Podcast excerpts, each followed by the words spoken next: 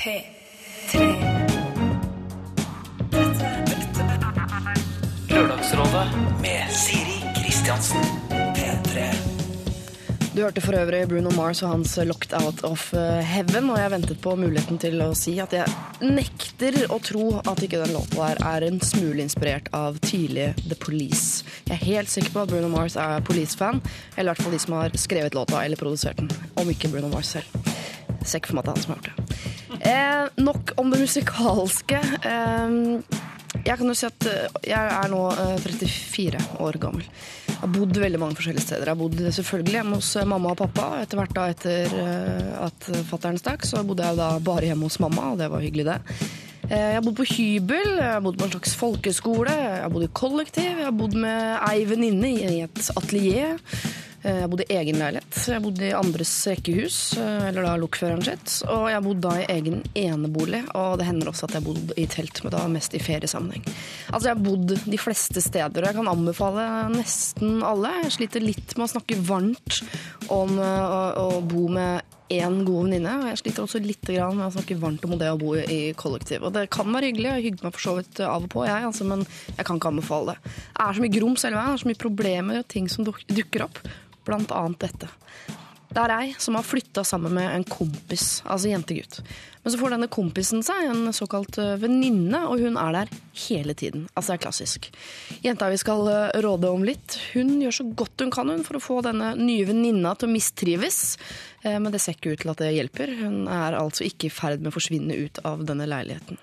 Eh, Før dagens rådgivere får kaste seg over dette her, og kanskje dine problemer også, og så skal vi ta et eh, tilbakeblikk. Først musikalsk her med Marine and the Diamonds, og så et lite Lørdagsrådet tilbakeblikk rett etter det. Lørdagsrådet på P3. Marina and the Diamond, I'm not a robot. Og det kan være greit å, å si ifra hvis du er i et parforhold. Em, rett før eh, jul, altså midt oppi denne gryta av eh, vanskelige dilemmaer, både da de materialistiske dilemmaene som dukker opp, og rent sånn emosjonelle greier, familie, eh, kjæreste osv. Så, videre. så dukket det nå før jul opp et problem som jeg personlig har et voldsomt engasjement rundt. Og det er altså spørsmålet er det fint med skikkelig langt hår. Um, eller skal man klippe seg? Bør man klippe seg? eh, Og. Og jeg gledet meg så enormt da når vi fikk inn dette problemet til å slippe rådgiverne løs på det. For jeg var helt sikker på at vi skulle være en sånn hellig uh, treenighet som var helt sånn Nei, klipp det lange håret, det er mye finere med litt kortere hår. Og jeg var sikker på at det skulle bli en sånn ordentlig sånn samhold, og alle skulle gå enige ut. Men eh, ja, det var Torbjørn Røe Isaksen, Audun Lysbakken og Gunhild Dahlberg som var her. eh, Og vi kan jo høre hva de sa. sa. har aldri syntes at langt hår har vært veldig sånn flott. Nei vel? Eh, altså, men det betyr ikke at jeg, så jeg har ikke noe sånn men, For det er veldig mange Jeg tror først og fremst sånn, de, sånn hår til rumpa eller hår til navlen og sånn. Ja. Jeg tror det først og fremst er kvinner, andre kvinner, som syns det er veldig flott. Det kommer an på, da. Har hun dreads? Klipp det for guds skyld av. Men er det langt hår dette er ikke 1997, liksom. Vi lever i 2012. herregud, det, blir, det er dritfint! Men det er veldig sånn forandring Frida. litt. Langt hår er veldig fint, men det er gøy å prøve noe annet. Det er, det er greit å skifte mye. Ikke regjering, selvfølgelig, men veldig mye annet. Det er bra å skifte. Det er, men eh, sånn eh, Annie Lennox 80-tallskort er er jo sinnssykt kult.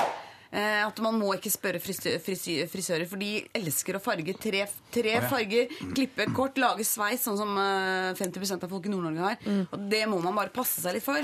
Hallo, det er tenk på hva man skal Man må klippe seg for seg fast jobb. Men da ingen jo poenger. finne en frisørlærling. Lørdagsrådet Vi har fått eh, mail fra eh, den langhårede. Hun skriver eh, Dere besvarte spørsmålet mitt for noen måneder siden. Jeg hadde langt hår til navlen og spurte om råd om jeg skulle klippe eller ikke.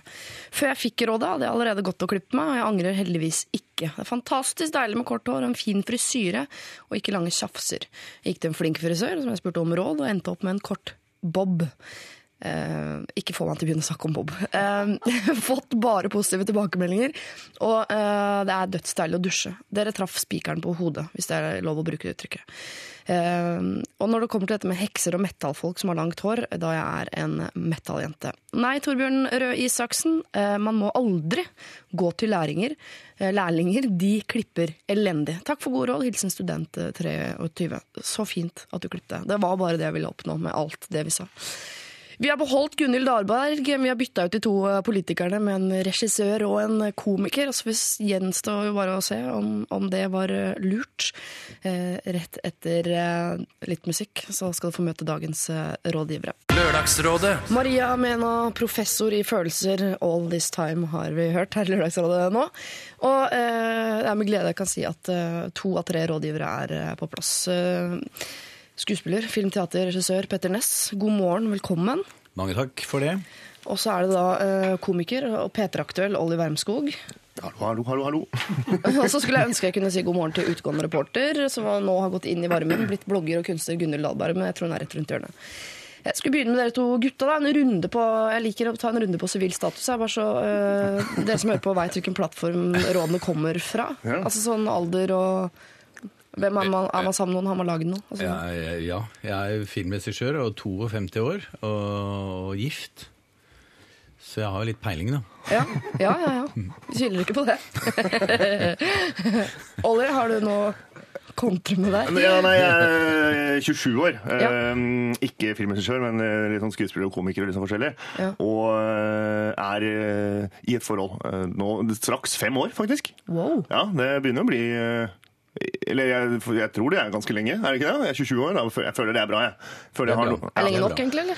Nei. Nei, det hørtes litt sånn ut. Jeg føler det er bra, jeg. jeg. Ja, sånn, ja. altså- Nei, det er ikke avsluttende bra, men Nei. eh, det er det lengste jeg har vært i forhold så langt. Så jeg føler at eh, det er noe jeg, jeg skal komme med gode, gode råd ut ifra det. Det er jo interessant, for min kone ble sammen med meg da hun var 1 eller 22 år, Ja. og hun blir 50 år i dag. Gratulerer med Ikke dagen. sant? Ja, gratulerer med dagen. Det lover veldig godt for deg. da, Ja, det gjør At man det. kan holde fra 22 og så Ja. langt Ellers er det en advarsel. Ja, ikke sant? Og I tillegg så er jo kjæresten min seks år eldre enn meg. Oi, Oi! det har gått den veien, ja. Ja, Hun ble sammen med meg da jeg var 22, og hun var 28, så det er jo litt interessant når jeg tenker om. Jeg har ikke tenkt så mye over det før akkurat nå. Nei. Men eh, det jeg vil tro at det er gode da jeg har mye, jeg har mye å komme med. Da har du et helt annet, altså, en helt annet par med briller og gir råd ut ifra. Ja. Vi har ikke hatt sånn som det er før, faktisk. Nei, det håper jeg ikke. Kanskje skulle invitert hun dama di en gang. Ja. Der kommer Gunhild Dahlberg. God morgen, Gunhild Dahlberg. Hun er unnskyldt. Hun har små barn. Eh, De taxikvitteringene tar vi senere. Eh, jeg, tenkte jeg skulle spørre deg først, eh, Petter Ness. Slå deg ned, Gunhild. Jeg kommer til deg òg. For du har vært der før, men aldri sammen med meg. Ja. Eh, Så jeg gleder meg veldig til å bli kjent med deg. Og så så jeg jo nå at du har hatt premiere på noe som heter Mørketid, altså et teaterstykke på Nasjonale Scene i Bergen. Det stemmer, en uke siden i dag. Var nok nøyaktig en uke siden i dag. Det høres jo trist ut. Det heter Night Season på engelsk. Det var norgespremiere på et uh, stykke. Som da ble hetende Mørketid på norsk. Og det Ja, det høres veldig dystert ut, men det er en veldig faktisk morsom, besk, eh, irsk, eh, svart humor. Om en veldig dysfunksjonell familie på vestkysten av Irland. Som definitivt kunne hatt godt av å ha et lørdagsråd å ringe inn til. Ja. Vi skulle ha vært her gjennom hele historien. Vet du. Ja, men det er blitt en veldig morsom forestilling, og den, eh, ikke minst unge folk mellom 18 og 25 år syns det er gøy på den fine måten. Noe for deg kanskje, Olli. Jeg var og så Olli gjøre standup i går, hvor han valgte istedenfor å, å gjøre standup, så satte han opp et lite Jon Fosse-stykke. Eh, han løste oppgaven på den måten. Eh, Orderud-saken. ja, ja, Det var gøy, det. ja. Er du teatergutt? Ja, av bunn, eller hva det heter, av utdannelse. Så er det. Og det er det jeg har drevet med fram til for et par år siden. Hvor jeg begynte å finne ut det var gøy å gjøre litt sånn rein humor òg. Men det er fint å kunne kombinere, da. Gjøre litt Jon Fosse, abstrakt, rar eh, greie inn i, inn i rein humor. Det er ikke så vanlig. Er det noe vi får høre mer av? Altså, på mandag så har du premiereklar her på P3 med boller og burritos. Eh, Blir du med Jon Fosse? eh, kanskje det. Ja? Jeg har ikke tenkt så mye på Ja, vet du hva? Den utfordringa tar jeg. Det blir en del Jon Fosse i boller og burritos. Vi gleder oss. Ja, det, ja. Gunhild, har du fått, uh, fått pusten? Jeg har fått fikset mitt. Det Ja. er jo enkel kaffe mokka. Det er jo det jeg lever på. Er det derfor du er forsinket? Yes. Nei, jeg er også forsinka fordi at det var en liten omkjøring, ombygging, nedi svingene. Ja. Og så er det jo snøvær, og da, da går det veldig dårlig både med taxier og busser. Jeg skulle ta en taxi. Men jeg hørte veldig høyt på uh, We All Shine On! Den John Lennon-låta. Da den kom på radioen, så skrudde P4, taxisjåføren på P4? veldig høyt. Ja. Og Den med Christer Falken og sånn nå på P4. hørte jeg rett før jeg kom inn. Han Hvis Lørdagsrådet på P4. Ja. Bits Between heter det, Hells to Pay, og de kan altså vinne da Urørt-finalen. Det er litt avhengig av eh, hvorvidt du går inn på P3s eh, hjemmesider og stemmer på dem, eller en av de andre fire finalistene. I hvert fall freskt å starte med så tidlig på, på morgenen. Jeg håper ingen skrudde over på P4 for å gi håp om at eh, Elton John fortsatt sang der. da. Han synger alltid der. Ja, han får lønn, han av P4. Altså, ja. Eh, Jeg sitter her sammen med Petter Ness, Gunhild Dahlberg og Olli Wermskog, og vi skal eh, sammen gi så gode råd vi bare kan. Og jeg skal starte med et problem jeg allerede har eh, så vidt vært innom på morgenskvisten i dag. Jeg leser. Jeg leier et rom i en leilighet hos en kompis. Jeg har gjort det i ca. et år nå. For et par uker siden dukket opp en ny leietaker helt ut av det blå, og nå bor vi sammen alle tre. Min kompis sier at eh, hun bare er en venninne, men lydene jeg har hørt fra soverommet tilsier noe helt annet. Han jobber i Nordsjøen og er derfor mye borte, så jeg er fanget hjemme i leiligheten sammen med dette kvinnemennesket. Jeg kan ikke fordra henne. Jeg prøver å unngå henne mest mulig og gjør alt jeg kan for at hun ikke skal føle seg hjemme her. Jeg flytter på tingene hennes, spiser maten hennes osv. Jeg liker deg veldig godt. Eh, ja, jeg innrømmer at jeg er litt sjalu, men først og fremst er hun tvers igjennom irriterende og ikke til å stole på. Eh, Hun har prøvd å sette meg og kompisen min opp mot hverandre og snakke om meg bak min rygg, antagelig med hensikt eh, å få ham for seg selv. Så hva skal jeg gjøre for å få henne ut, eller må jeg selv flytte? Skal jeg sitte og vente på at han blir lei av henne? Jeg var her tross alt først. Jeg tør ikke å ta det opp med kompisen vår, fordi jeg vet ikke hvilken side han vil ta. Takknemlig for alle innspill. Hilsen husnisse 25. Jente, altså.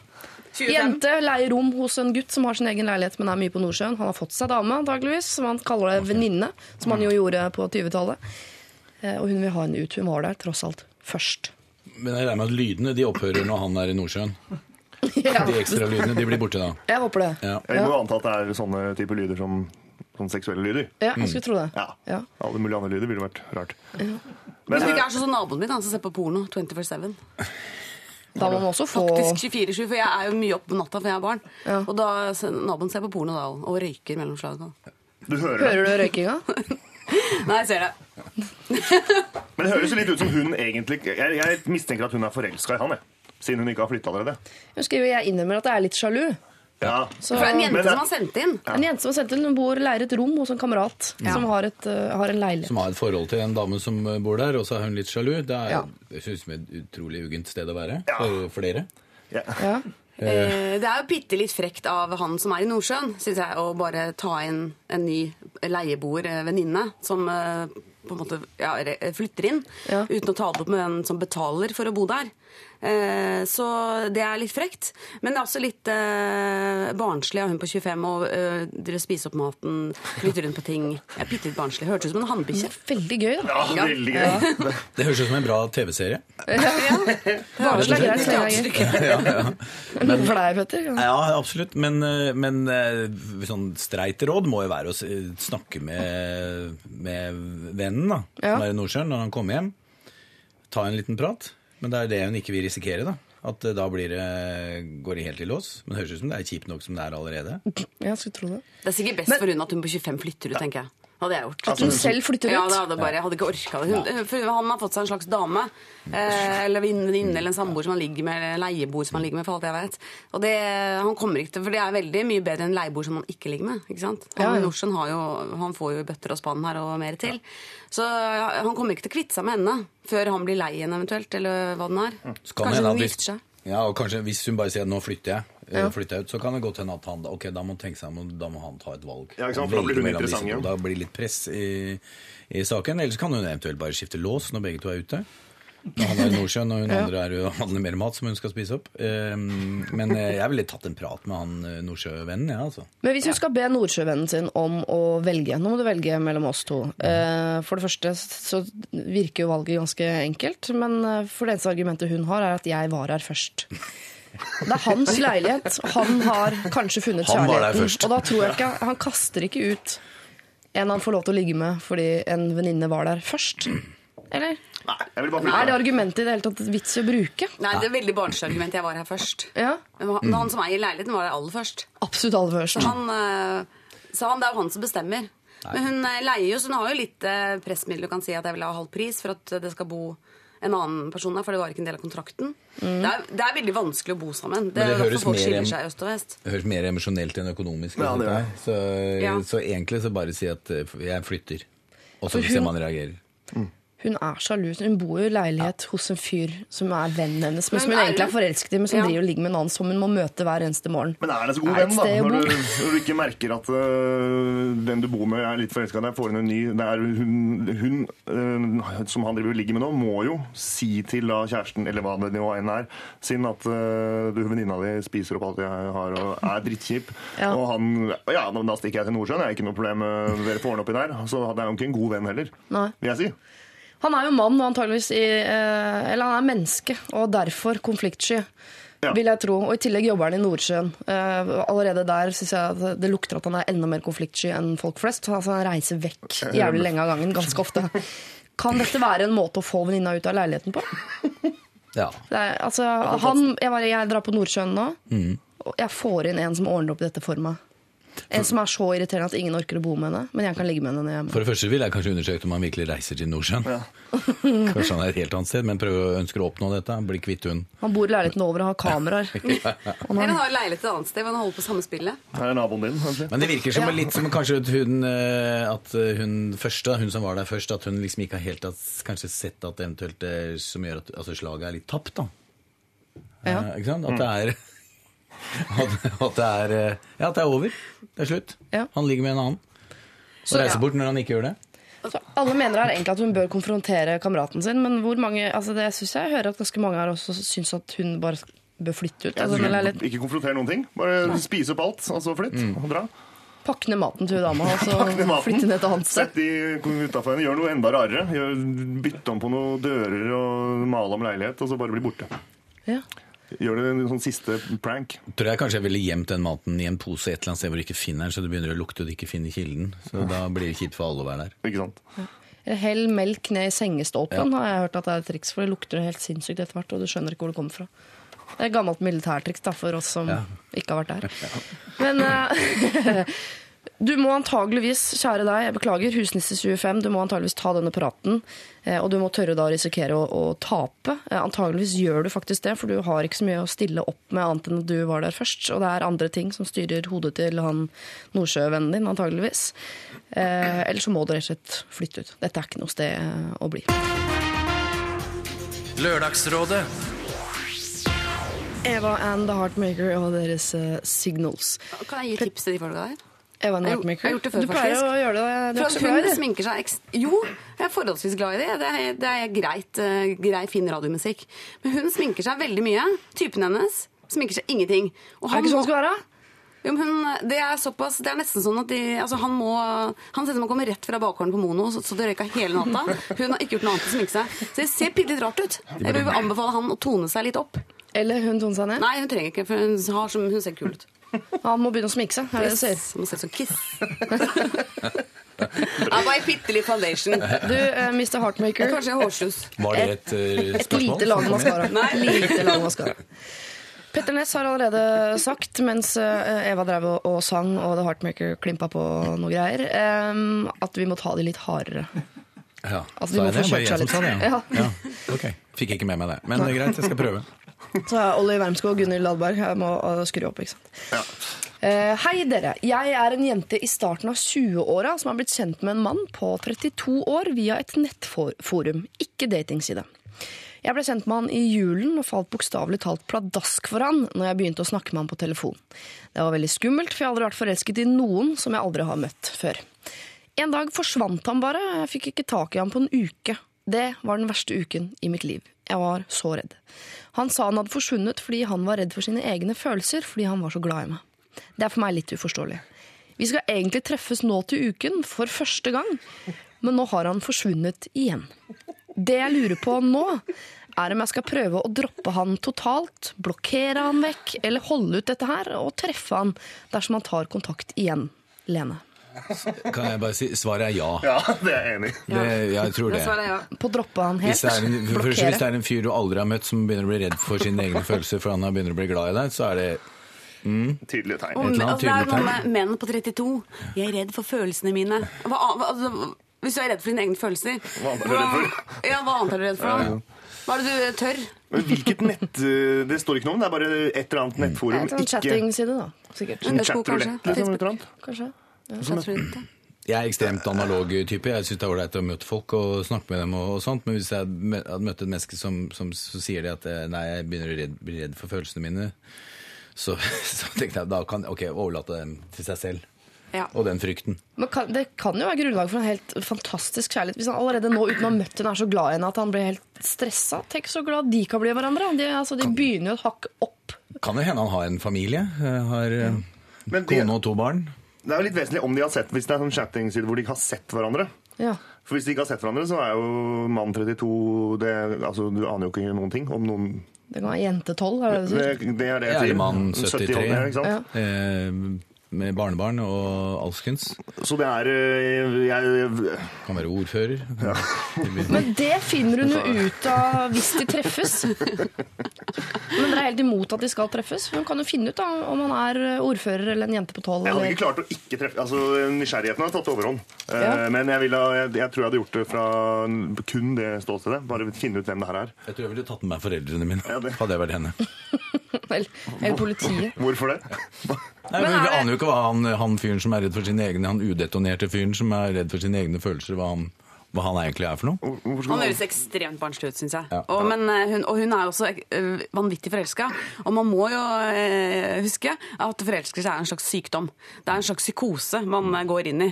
Og man rører seg inn i egne sånne hva skal jeg si, vevde fantasier. Man bare fjas og vås. Så hun må liksom prøve å samle seg og finne en person som ikke er så forelska, og så prøve å tenke bitte litt klart. Skal hun møte mannen på 32? Eh, mann i anførselstegn, 32 i anførselstegn, vi vet jo ikke helt sikkert. Som er redd for sine egne følelser. Det er veldig veldig barnslig, eh, spør du meg. Men nå, Så vi må eh, prøve å tenke bitte litt klart. nå glemmer dere at de har snakket mye sammen på telefon. Så vi kan Så i hvert fall utelukke at det er jente på 12. Han er en mann. Eh, og hun har snakket så mye på, med han på telefon at hun har blitt skikkelig skikkelig forelsket i han. Og det eneste hun mangler eh, for å liksom legitimere denne dype eh, følelsen, er jo at hun har sett ham fysisk. Og hvis vi, legger, hvis vi egentlig skal jo bli enige om at utseendet ikke skal ha noe å si, det skal man jo egentlig være enige om, så burde denne kjærligheten de har fått via telefon, være vel så eh, stor og sterk som de som har truffet hverandre på Ja, ordentlig. men, men alle vet litt hvordan det er å være på telefon. Hvis jeg har sittet på Apple Support med en utrolig søt svensk dame som sitter borte i London, så er jeg rede til å flytte fra hus og hjem. Ja, altså bare for å, men det er jo ikke alltid de er sånn som de høres ut. Nei, det er sånn. Da er det noe vi har lært fra dating i mørket. Så er det jo at disse folka som ender opp sammen, de er jo ikke sammen i etterkant. Jeg har fulgt med, med på disse parene. Det er veldig få eh, par som gikk ut derfra og giftet seg og fikk barn. Ja. skal. Men Jeg skjønner jo at hun vil møte han, eh, for det kan være litt sånn spenning og sånn. Men eh, jeg kan jeg, bare, jeg må bare si at hun må for guds skyld møte han på et offentlig sted. På høylys dag. Ja. Ikke hjem til han. Hun kan ende opp partert i en koffert. Men dere syns det er helt sykt at han er redd for følelsene sine? Er det ikke det vi gang på gang ser på film, og når gutter sånn 'Jeg beklager, jeg ble bare redd', så er det liksom noe av det søteste. Sånn, 'Å, han er redd, for han er så forelska'. Nei, jeg tenker herregud, for en patetisk stakkar. Jeg aner ikke hvordan sånne nettsteder fungerer, um, og det er helt sant, altså. Eh, Men det, man, kan, man kan jo ha veldig mange sånne gående. Ja da. Og det kan begynne å bli vrient å turnere flere og begynne å møte flere. Plutselig så, så, blir det, så baller det litt på seg, sånn at det blir litt vrient med kalenderen og få ting til å gå opp. Kanskje, de kjenner, kanskje det blir så mange at de faktisk kjenner hverandre. og sånt, Så, det, så det, det kan jo være sånn Nå har han klart å trekke dette her såpass langt, og nå koker det såpass mye her. Det, det var gøy en stund, men nå, nå, nå tør han ikke lenger, så det kan jo være et annet type spill. Men jeg er litt enig. ok, Kanskje treffe ham, da, men på høylysdag og med anstand. Så hvis han tar kontakt igjen, så får hun lov av dere til å treffe han igjen, men da på et offentlig sted? Ja. Ja. Men dette er jo, Jeg det kan er godt sånn- bli med. Ja, vi blir med. Eh, vi, eh, men, men det er et sånt datingsted, dette. Det er ikke, Nei, det er ikke det er datingsted, det er bare et eller annet Det Nei, det er nettforum. ikke, og nettforum. Det kan være sånn båtnettforum. eh, Hvordan funker datanett? Kanskje på finn.no. Han har kjøpt en gitar av han en gang, og så ble Det vet vi ikke. Det gjør det egentlig enda mer interessant. Ja. For det er liksom, det er ikke, de skulle ikke møtes for å møtes. Og så må hun fortelle noen Hvis hun skal møte han, så må hun fortelle noen andre at hun skal gjøre det. At hun har noe sånn meldeplikt. Bruke fjellvettreglene. Ja, jeg stoler rett og slett ikke på sånne menn på internett. Aldri for sent å snu. Nei. Nei. Ok, er Mye fordommer mot eh, dating, eh, altså kanskje kjærlighet på særlig, nett. kanskje særlig mot menn. Ja, mer. Ja. Men generelt. Ja. Mye fordommer. Eh, Jeg håper jo selvfølgelig at det kanskje er en fyr du kan bli forelska i, men, og jeg syns også du skal eh, møte han, men det er noe skummelt med at han driver og forsvinner hele tiden. Altså. Ja. Enten er han ekstremt følsom, eller så er det noe mye eh, styggere og mer grums som skjuler seg bak denne mannen, og det finner du ikke ut av. Med mindre du kanskje møter han da. Men Kanskje han husk, jobber i Nordsjøen? offentlig plass. Kanskje han jobber i Nordsjøen. Satan i gatan, Veronica Maggio hørte vi, og selvfølgelig også The Airborne High Fives og deres Monster. I Lørdagsrådet i dag så har vi med oss eh, komiker, eller sånn adhoc-komiker, holdt jeg på å si. Olli Wermskog, du liker å ta ting på sparket. Prøver i hvert fall. Ja, og kan bryte ut i eh, dramatiske oppsetninger. Du driver med all form for humor, egentlig. Uh, Nja scenehumor, da. scenehumor. Syns, det er, syns det er moro. Og litt sånn radio. Blir veldig mye radiohumor fra mandag og utover. Skal fylle eh, gamle flata til Radioresepsjonen. Ja, det blir Ja. en utfordring. Det er gøy. Det er lov å svette litt av det, men det tror jeg Ja. skal gå fint. Ja, bare angripe det, så blir det bra. Bare ikke ha sånn vitsespalte og dilemmaspalte og ikke, ikke sant. Jo, det skal vi gjøre. Det skal dere kjøre. Ja, litt postkasse og litt sånne Litt sånne ting. Ja. og så har vi med oss eh, kunstner, blogger, uh, Gunhild Dahlberg. Hvor ble det av P3-Gunni mitt oppi der, lurer jeg på. Ja, det er det vi lurer på, vi òg. Det er det vi lurer på, vi òg. Og også regissør Petter Næss. Eh, det siste du regisserte, var vel et teaterstykke. Ja. 'Mørketid'. Ja. Er du i gang med noen film? ja, flere. flere. det, det er sånn det er med dere, altså. Nei, man må ha ganske mange prosjekter og man har ganske mange baller i lufta for å Det er ikke alt som blir noe av, men Nei. jeg veksler mellom teater og, og film. Så jeg har noe jeg skal gjøre på Det Norske Teatret, og, og to-tre to, I hvert fall to. Må det være sånn fordi det er sånn hjernen til kunstnere er sammensatt, eller er det økonomisk? Nei, Er det ikke frilanstilværelsen? Nei, for egentlig for å bevise at menn også kan multitaske. Ja. Primært, tror jeg. Det kan min mann òg. Han kjører bare tog, men det funker, det. Ja. Nei, men eh, det går på skinner. Men uh, i hvert fall eh, Nei, men, men man, man må ha flere ting på gang, for det er, det er store, store prosjekter. Det tar lang tid, og hvis det ikke blir noe av, så er det synd eh, hvis man har satset alt på det, og så må man begynne på nytt. Dette er råd fra Petter Næss som handler om arbeidsliv og ikke forhold. Ikke ha masting gående på en gang, i tilfelle ikke alt havner i havn. Altså, ikke sant? Dette var ikke Ja, I forhold, så, arbeidsrelatert. i forhold så lønner det seg å ja, Sette alle korta på en hest, osv. Eh, vi tar et nytt eh, ikke det jeg skulle problem. si. Jeg, bare, jeg sa noe, så lot det seg som det var du som mente, for da virker det smartere. Sånn kommer det til å bli i dag. Nytt problem. I høst var jeg sammen med en jente. Det varte ikke så lenge, men eh, det var fint så lenge det varte. Så fikk jeg plutselig vite at hun er gravid. Ut fra ultralyden er barnet mest sannsynlig mitt, noe jeg egentlig er veldig glad for. Men hun har innledet et nytt forhold, ikke lenge etter at det var slutt mellom oss. Så jeg vet ikke, og jeg kan ikke være sikker på at ungen er min. Problemet vokser da det viser seg at hun fortsatt er sammen med denne nye typen. Han ønsker eh, ikke barn, eh, men både hun og jeg ønsker oss barn. Jeg syns at hun bør vurdere å gå fra denne nye typen, eh, mest pga. holdningen hans til graviditet. Men jeg føler at jeg, har, at jeg ikke har noe jeg skulle ha sagt i denne sammenhengen. Jeg har ikke møtt fyren, jeg aner ikke hvem han er, hvordan han er. Og jeg er klar for å støtte eksen hele veien. Og jeg ønsker å være en fullver fullverdig far for ungen. Har dere noen gode råd? Hvordan skal jeg forholde meg til den lille usikkerheten rundt hvem som er far? Men mest lurer jeg på hvordan skal jeg forholde meg til eh, forholdet til eksen og hennes nye type. Hadde det ikke vært for denne nye typen, kunne jeg vært villig til å prøve et nytt forhold jeg, med eksen. Altså, hadde Mye. Tore på sporet vært der, så hadde han sagt La saken ligge, jeg tar han om 20 år. For da er det en supercase for Tore på sporet her. Men nå kommer vi Tore på sporet i forkjøpet. Ja. Så da er det vel DNA, da. Ja. Og blodprøve. Men det, vil jeg, det kan man vel forlange å få? Ja, for det har Men ikke noe kan med nye typene å før gjøre. barnet kommer ut. Nei, men det gjør det jo før eller senere. Ja. Jeg skjønner ikke helt problemet. Altså, hva- problemet er at hun føler at Nei, han føler at hun han Jeg skjønner ikke problemet. Vil ha barn. Nei, han vil ha barn. Ikke ha barn. Eller forhold. Eller begge deler. Han vil egentlig bare bli sammen med henne. prøve, han vil være der for henne, så han vil, eh, han vil ta vare på dette barnet. Og han vil også er villig til å prøve å bli sammen med eksen hennes, om det er det. Han kan gjerne starte en liten familie han, Ja, med det eksen. det det er det det. Så Men det som vet- står i veien her, er denne nye typen som jo eh, Han vil ikke ha barn engang. Og, han, Men- og det kan være han som er faren. Men det vet han jo ikke, for han kjenner henne jo ikke. Og vet Nei. jo ikke hvordan han er. Jo, dette har han tydeligvis snakket med Men han med sier eksen altså ut fra ultralyden, og hvis man har sett på sånne ultralydbilder, så, så er jo likheten livsredd menneske i det hele tatt er jo ganske liten eh, på ultralyd. For det er mye forstyrrelser og støy der. Ja, så man ser det man vil se, men først må han jo rett og slett finne ut om han er faren. Ja. Hvis det er han andre fyren som er faren, så stiller han jo vesentlig svakere i forhold til å, å på en måte gå inn i dette forholdet og kreve noe rett til både henne og barnet. Men hva gjør han nå i, i tiden fram mot en eventuelt fødsel? For nå har han, vet han jo ikke om han har et ord med i spillet eller ikke. Ja, for Man må vente til fuck. Det er ingen måte å finne ut av det før. Jeg vet ikke. Nei, Nei, man det tror jeg jeg, tror, jeg er ganske sikker på at man ikke kan ta noe Nei. Det kommer på blodprøven på barna, og det Så da er den eneste måten er å vente, og så Vente, finne ja. ut? Ja. Ja. Hvis du skal ta dette helt, sånn helt alvorlig som mann, hadde jeg vært han i den situasjonen, så ville jeg vært eh, jævlig redd for min egen situasjon. Og som, følelser. Som, og følelser som far. Én ting er øh, hans forhold til henne, at han er forelsket i henne. Men frykten for eventuelt å ikke komme i posisjon til å kunne bli et far, en far for sitt eget barn, den er jo ganske heavy. Og jeg tror Så, han, så jeg håper at hun tar han og hans ønske om å få lov til å være en far og komme i posisjon på alvor. Enten det blir dem i fremtiden eller ikke. og frykten hans er jo også øh, basert på før en eventuell fødsel. Fordi denne nye typen inn i bildet, han vil ikke ha dette barnet.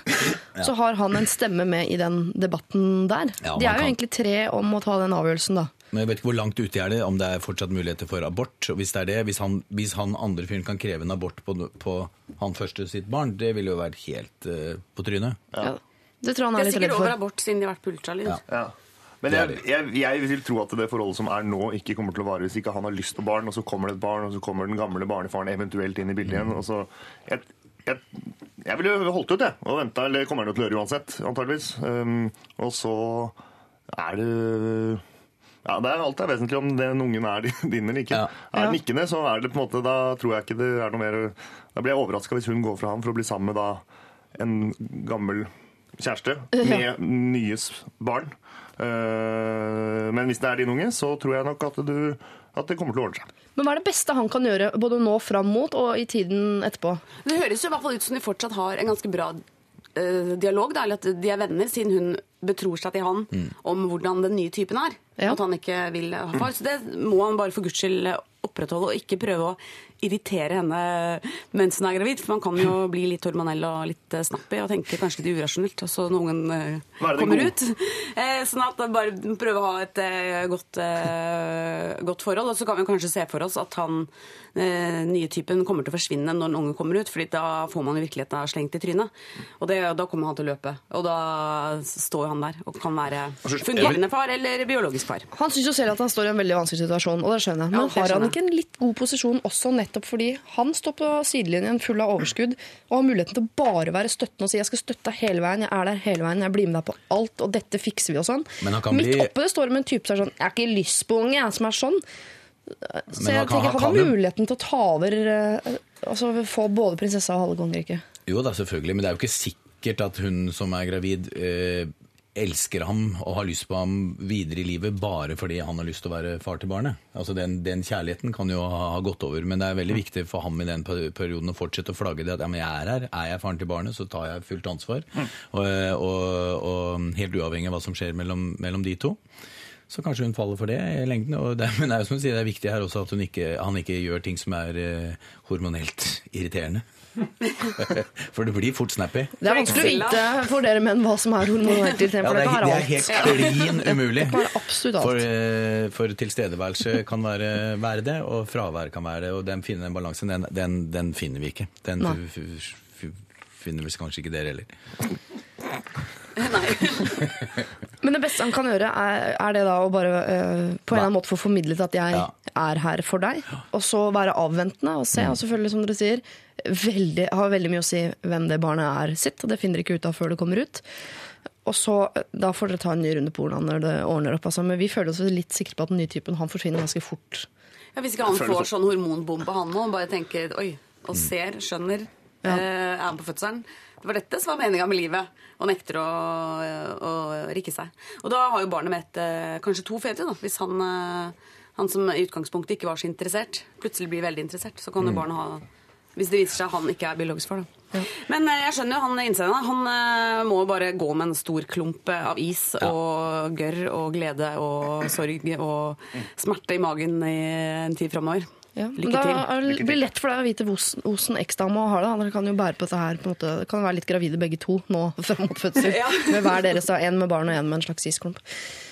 Lykke til. Eh, Her, i likhet med alle andre problemer vi får inn, så er vi eh, veldig opptatt av hvordan det går. Altså, hvordan går det? Eh, Bruker du rådene våre, er vi selvfølgelig nysgjerrig på, men hvordan går det? Var det ditt barn? Ble dere sammen? Hvor er den nye typen? Videre. Det vil vi veldig gjerne ha oppdateringer på, for vi bryr oss faktisk om dere.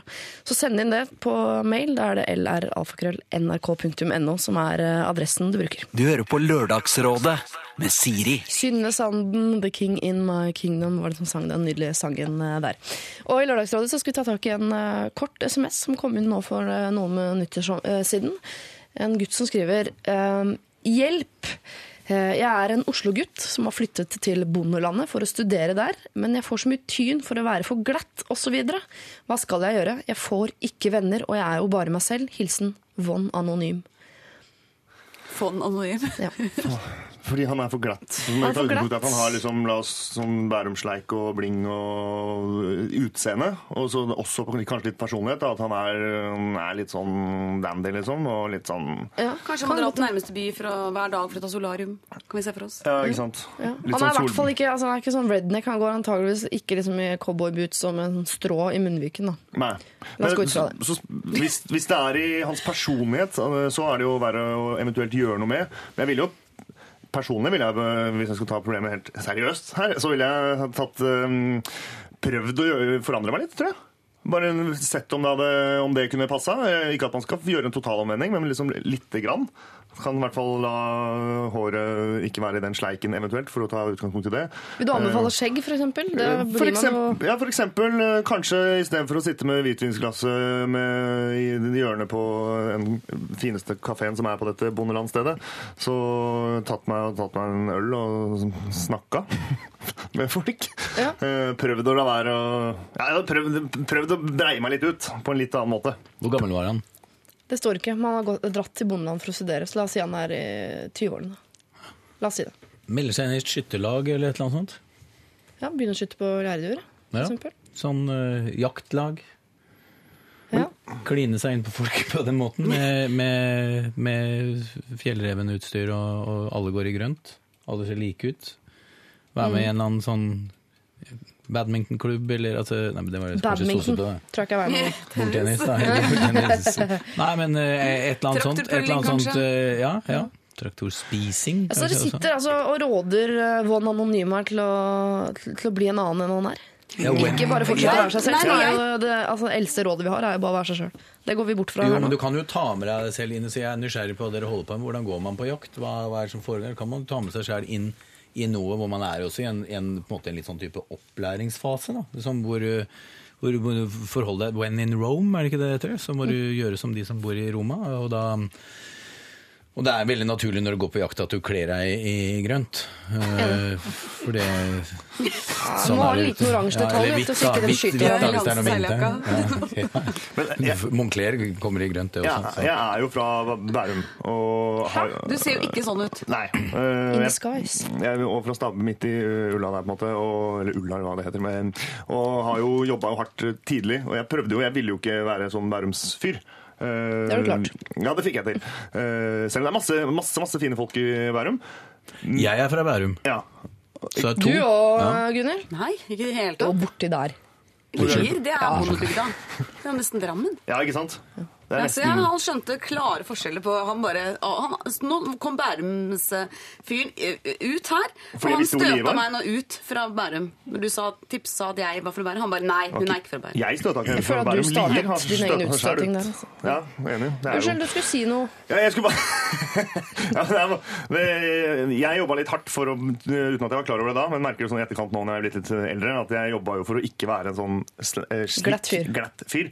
Um, men jeg tror fortsatt at hvis han bare Han må ikke forandre seg sånn personlighetsmessig, men det handler om å tilpasse seg litt, gjøre et litt annet inntrykk hvis du merker at du ikke får noen venner og ting og tang pga. at du opplever deg selv som litt glatt. Det er jo hans egne ord. Det er han selv som sier at han Så er det jo Jeg ville bare rufsa meg litt til. Bare prøvd som du sa, bare ta litt skjegg i trynet. Eller øh, Ja. prøv noe annerledes, men fortsatt vær deg sjæl. Kan jo Faren er balansen her, for plutselig blir det gjennomskuelig også. Uh, altså, ok, nå, Da blir du på en måte, taper du enda mer hvis det er veldig sånn synlig at du prøver å Ja. go with the locals. Ja, jeg, jeg Eh, syns det høres eh, utrolig vanskelig ut. Ja. Eh, og, men man kunne jo kanskje ta på seg en sånn, se for oss en felleskjøpedress, da. Eh, kjøpe den ene dressen og, og gå med den. Og så, men Og en høygaffel. ville ikke denne glatte gutten med solarium og mye pomade mm, føle seg litt ukomfortabel i en sånn felleskjøpedress og ikke noen hårprodukter? Det virker litt vanskelig også, men, også, men jeg, jeg, synes, jeg, jeg, tenker han har vel, skal vel flytte tilbake da, fra det stedet. Han skal ikke gro eh, igjen der. Så jeg tenker jeg tror han bare skal holde på seg selv. Hvis han kveles av å sitte på sånne hjemmebrentfester og høre på Plumbo, eh, og savner å, å dra på Stravinskij og- eller på Aker Brygge og drikke høye drinker, så kommer det er bare til sommeren. Bare hold ut. Fordi jeg tenker, Hvis han bare fortsetter å være glatt, da, så kan det jo være at folk eh, til slutt tenker at det er litt, uh, det er litt gøy. Liksom. Det er jo nok av folk som ikke er det. Men det, som tar, det tar bare litt lengre tid. Man har jo gått, jeg har gått i masse forskjellige klasser og studert masse forskjellig hvor det er en eller annen raring i klassen som er liksom litt annerledes pga. et eller annet. Det tar litt lengre tid. Og så når vi skjønner at ja, du er jo egentlig kul, selv om og så videre, så liker man jo han, hun Ja. enda bedre. Ja, men det er derfor jeg mener jakt er bra, for det er jo sånn elgjakt. Det er jo passe vestkant, men du har på deg litt pussetøy. Ja, for han kan kjøpe sånn noen oransje lue. Du, du ser, du, du ser alle, det er som den gamle engelske skoleuniformen, liksom. Det er uansett hvor det kommer fra. Så Kan vi si at elgjakt er på en måte der Øst og nei, Bondebygda og Bærum møtes, da? Ja. For det er jo de på landet som virkelig har peiling. de har peiling. De og, og så kommer vi opp i sånne store biler med trekk på alle mulige Ja. hjul, og få være med. Så Det synes jeg var god idé. Men det er synd det er lenge til den elg- elgjakta. Hva er Det er neste jakt nå, da? Ja, Tjuvjakt, da. Jo, men nå kan kanin eller rype eller sånt. Rype er det jo. Det Ja, rypejakta, ja. Ja. Perfekt. Jeg har fått melding fra en, fra en bonde her eh, til deg, Yvonne Anonym, hvor det står eh, tips til Oslo-buer. Her er oppskriften til å komme inn i bygda våres. Tre dagers skjegg, halvkort hår, uten sleik og masse selvironi. Lykke til! Du er i hvert fall velkommen hit til oss. Med vennlig hilsen Sunnhordaland. Ja. Så jeg vet Jeg synes hvor de på bygda høres utrolig fordomsfulle Ja, det synes jeg jo. Det er jo det som De er må ta seg bitte litt sammen. Hallo, dere på bygda, ta dere sammen. Er dere ferdige nå? Ta dere sammen, sier Gunhild. Eller skal kan Eh, kjøre stilen til Ole? Bare vi kan bare si hva han hadde på seg. Han var Bærums-fyr.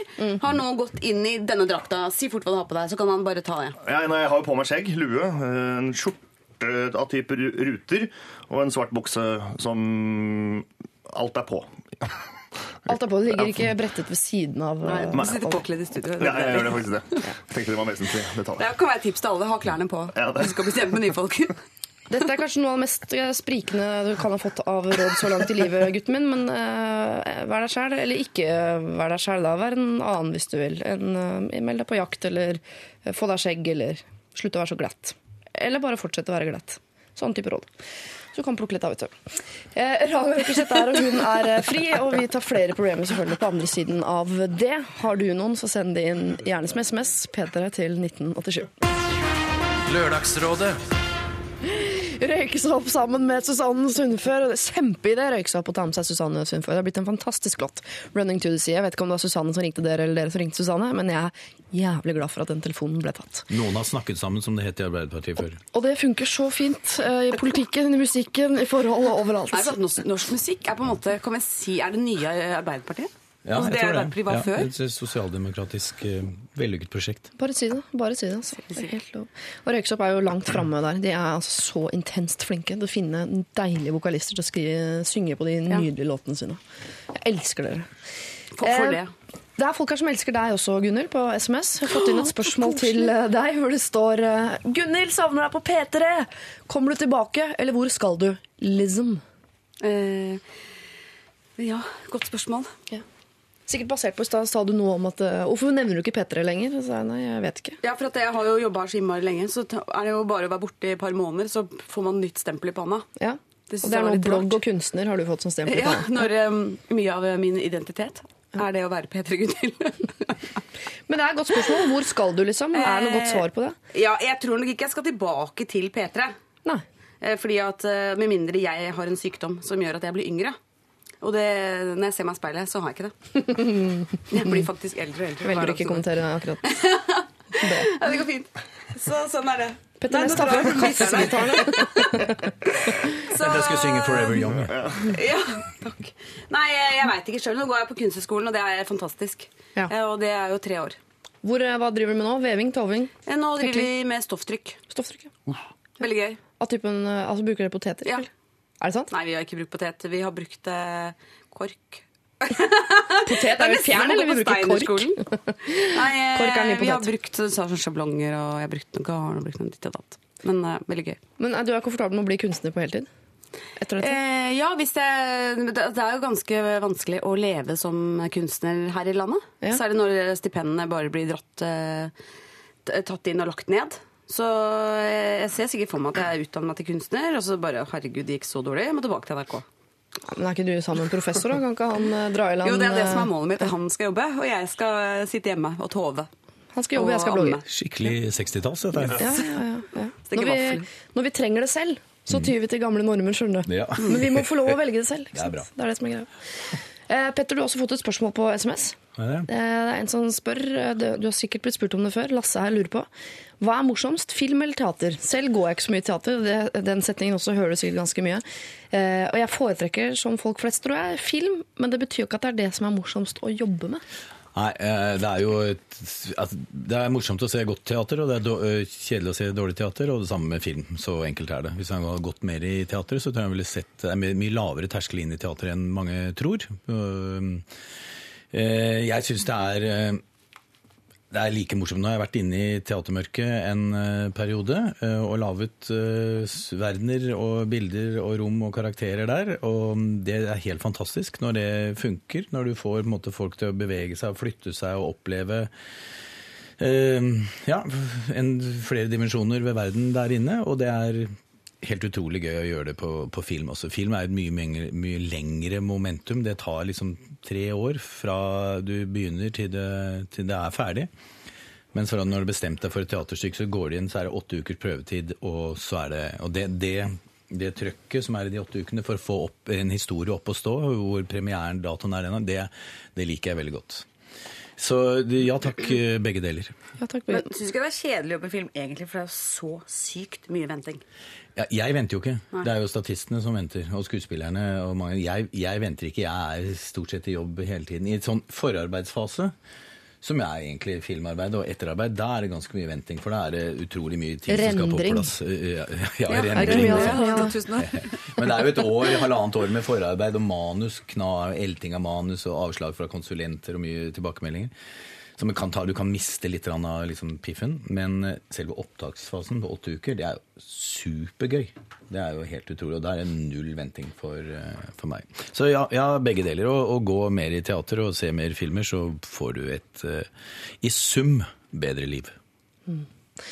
Olli, Mm. uh, det er en her som uh, spør om noe ganske enkelt. Jeg lurer rett og slett på navnet ditt. Ja. Er det familienavn, eller har du steinerskoleforeldre? Det, det er finsk.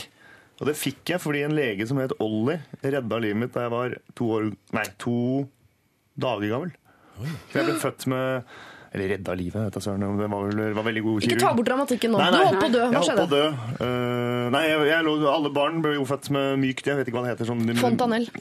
Jøss, det kom overraskende kjapt. Um, sånn mykt hode, så at hjernen på en måte skal få lov å vokse og så videre.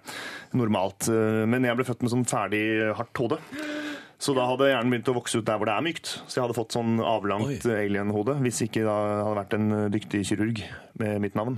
Eller jeg med hans. Um, som da redda meg. Hva gjorde han? Snittet han hjernen din, eh, skallen din i to? Eller? Ja, opp fra liksom midt på hodet, midt på panna. eh, Eller ja, 10 cm, 5 cm bak panna kanskje. Så midt på hodet over hele veien bak. Kan vi se et arr? Nei. Eh, Du kan se arr. Antageligvis så ser du det midt oppå her. Så ser du at det er Men har, eh, altså, Så går det så du har splitta hjerneskallen, og så har den, har den vokst sammen igjen? Da, som normalt. Ja. Så nå er det god plass til hjernen. Nå er det god, eller jeg tror det. det. Jeg tror ikke den skal vokse mye mer nå. Så nå føler jeg, jeg vet ikke om dere tenker at jeg har noe veldig rart hode. Kanskje jeg har det? Jeg har aldri... Nei? Nei? Ja, da er jeg fornøyd med Ollie, da. Og Men da der det- finnes, er det vanlig i Finland? Er det som Per her, eller er det mer Er det sånn ikke veldig vanlig i England? det er, ja, Forkortelse for Oliver? Alle heter jo Ollie i England. Jeg tenkte finsk med en gang, men jeg syns det var i hvert fall et prima argument for å få det navnet. Ja, det syns så de jeg kalte meg, de kalte meg, og så måtte de da skrive et navn på det eh, dokumentet som var eh, at, for, for at jeg, de kunne godkjenne at jeg kunne ta den operasjonen. Og da var det med en gang bare navnet på kirurg. Så da var, det, og så var jeg det, og så ble jeg, da, ble jeg det. Men jeg har jo flere navn nå. Jeg heter Tor Olli Kristoffer Wermskog. Så de andre navnene kan vi jo ta en annen gang. Ja, Hold deg til olje, du. Hvem er de andre legene? Hva er det de har, hvilken del av kroppen har Hva er det Kristoffer har reddet på deg? Nei, jeg, kan ta kort. Tor er farfaren min, og jeg har en eldre bror som er sju år eldre enn meg. eh, Som, da han fikk høre at jeg skulle hete Tor Olli Wermskog, så begynte han å grine, fordi han hadde sett for seg at jeg skulle hete Kristoffer. Og det var, og det var, ja, det var et, ble et helvete hjemme, så da var foreldrene mine sånn Yes, da ble det Kristoffer. Men det er egentlig bare det er Kristofer, for det er med én F. For det er svensk, for jeg ble født i Nord-Sverige. Det var veldig, Oi, oi. veldig mye. Jeg syns vi rammer inn den der Ollie-historien, jeg, tror jeg. Ja. Jeg at det var, det Ja, hvis du skulle var sagt opp sa det var mye. fantastisk start på en film, eller? Veldig. Helt utrolig. Har du, helt utrolig bra. Jeg tenker Har teater. har Jeg tenker teater. Helbroren nå. Har Du og Kristoffer ser på meg. ja. Men, eh, men har du møtt uh, Ollie? Har du møtt kirurgen senere i livet? Nei, jeg har ikke det. Jeg har har du vist, vist deg frem? Nei, jeg har ikke fått gjort det. Uh, han er jo da også i Nord-Sverige. Eller kanskje, Nå kan det være hvor som helst. Han er på Facebook. Han, ja. Ja. ja, det er faktisk sant. Uh, Nei, jeg har ikke tenkt over det. Det skal jeg gjøre. Det skal jeg finne ut Se så fin jeg ble, kan du si. Ja. Takk. Og det arret også, folkens. Det kan man legge nesten ut på Det kan du legge ut på, på internett, syns jeg. Bilde av Det arret. bildet av det arret. Kan jeg få legge ut bilde av arret ditt på Facebook-sida til Lørdagsrådet? Hvis du Ja, det er bare å, ja, jeg er komfortabel med hva som helst. ja. Det er bare å legge ut arret ditt. mitt. Ja. Ikke, sett griller i hodet mitt. over der, liksom. uh, folkens, masse fin eh, informasjon, og uh, halen på dette er også et uh, fremtidig fint bilde på Facebook. Hvor lang tid trenger vi på det, Jonas? Om to minutter? Om ca. fire minutter ligger det bilde av arret til Ollie. Eh, Lagd av en annen Ollie på vår Facebook-side. Fender Heist eh, er det vi eh, hører her, og låta 'Kino'. Ollie, du er fantastisk! I dag var Lørdagsrådet meget morsomt, og det takker jeg dere for. Hilsen student i Bergen. Produsenten skal bare komme, nå er bildet ute på Facebook. Bildet av arret til Ollie eh, er- ligger nå på vår Facebook-side. Det er bra. Um, vi skal ta et problem, eh, dere. Og med dere så mener jeg da deg, Ollie. Også Gunhild Dahlberg, eh, tidligere P3-stjerne. Men du ba meg få inn det der med P3. hva? Eh, regissør Petter Næss. Tidligere rekvisitør. Ja, stemmer det. Em, et litt voksent problem, dette her. Ja. Voksent. Hei, håper dere kan komme med noen råd og innspill på mitt problem. Jeg er en jente, dame, skilt, to barn. Jeg har det siste året vært i et forhold eh, med en mann som også har ett barn fra før, som bor sammen med far alene. Vi bor et stykke unna hverandre. Problemet. Jeg kommer ikke innpå datteren hans. Hun er ikke ufin eller noe sånt, bare ikke interessert i snakk eller sosial omgang med meg eller mine barn. Hun føler nok at jeg er en trussel, da hun og faren eh, har levd i et tilnærmet gammelt ekteparforhold. Hun anser seg selv for å være en del av voksenverdenen og viker sjelden fra farens side, verken hjemme, på byturer eller sydenturer. Vi har prøvd det meste. Eh, Da vi har begge barna boende hos oss, eh, treffes vi maks to ganger i uka. Vi har kun én helg i måneden vi treffes alene, fordi jeg jobber av og til i helgene. Vi har dratt på noen turer alene, og det er topp. Vi trives veldig godt i hverandres selskap og fungerer fint når det ikke er andre til stede. Altså barna, da. Jeg er veldig glad i han, han er verdens snilleste og gjør alt for at skal ha det bra. Det siste som har skjedd, er at jeg har sagt til han at jeg ikke lenger greier å forholde meg til hans datter. At jeg ikke eh, kommer til å forsøke å samle oss om å gjøre noen ting sammen lenger. Jeg føler meg som den onde heksa, og er slett ikke stolt av meg selv som ikke takler dette bedre. Men jeg må vel først og fremst tenke på meg og mine barn. Han sier at det er helt greit. Jeg syns disse åra har vært en følelsesmessig berg-og-dal-bane. Jeg har det veldig fint eh, eh, alene, vi er, eh, og sammen med han alene. Sexen er super, står det her i parentes. Han er helt topp. Men så fungerer det da altså ikke med de andre barna. Jeg føler vel at det er litt vanskelig å bygge en felles framtid på dette her. Så hva skal jeg gjøre? Skal jeg bare være fornøyd med å være kjæreste, eller hva? Veldig frustrert med Nilsen. Altså det Problemet her, eh, sånn jeg hører det, er først og fremst at hun har funnet en mann hun liker, men har en datter hun har problemer med å komme inn på.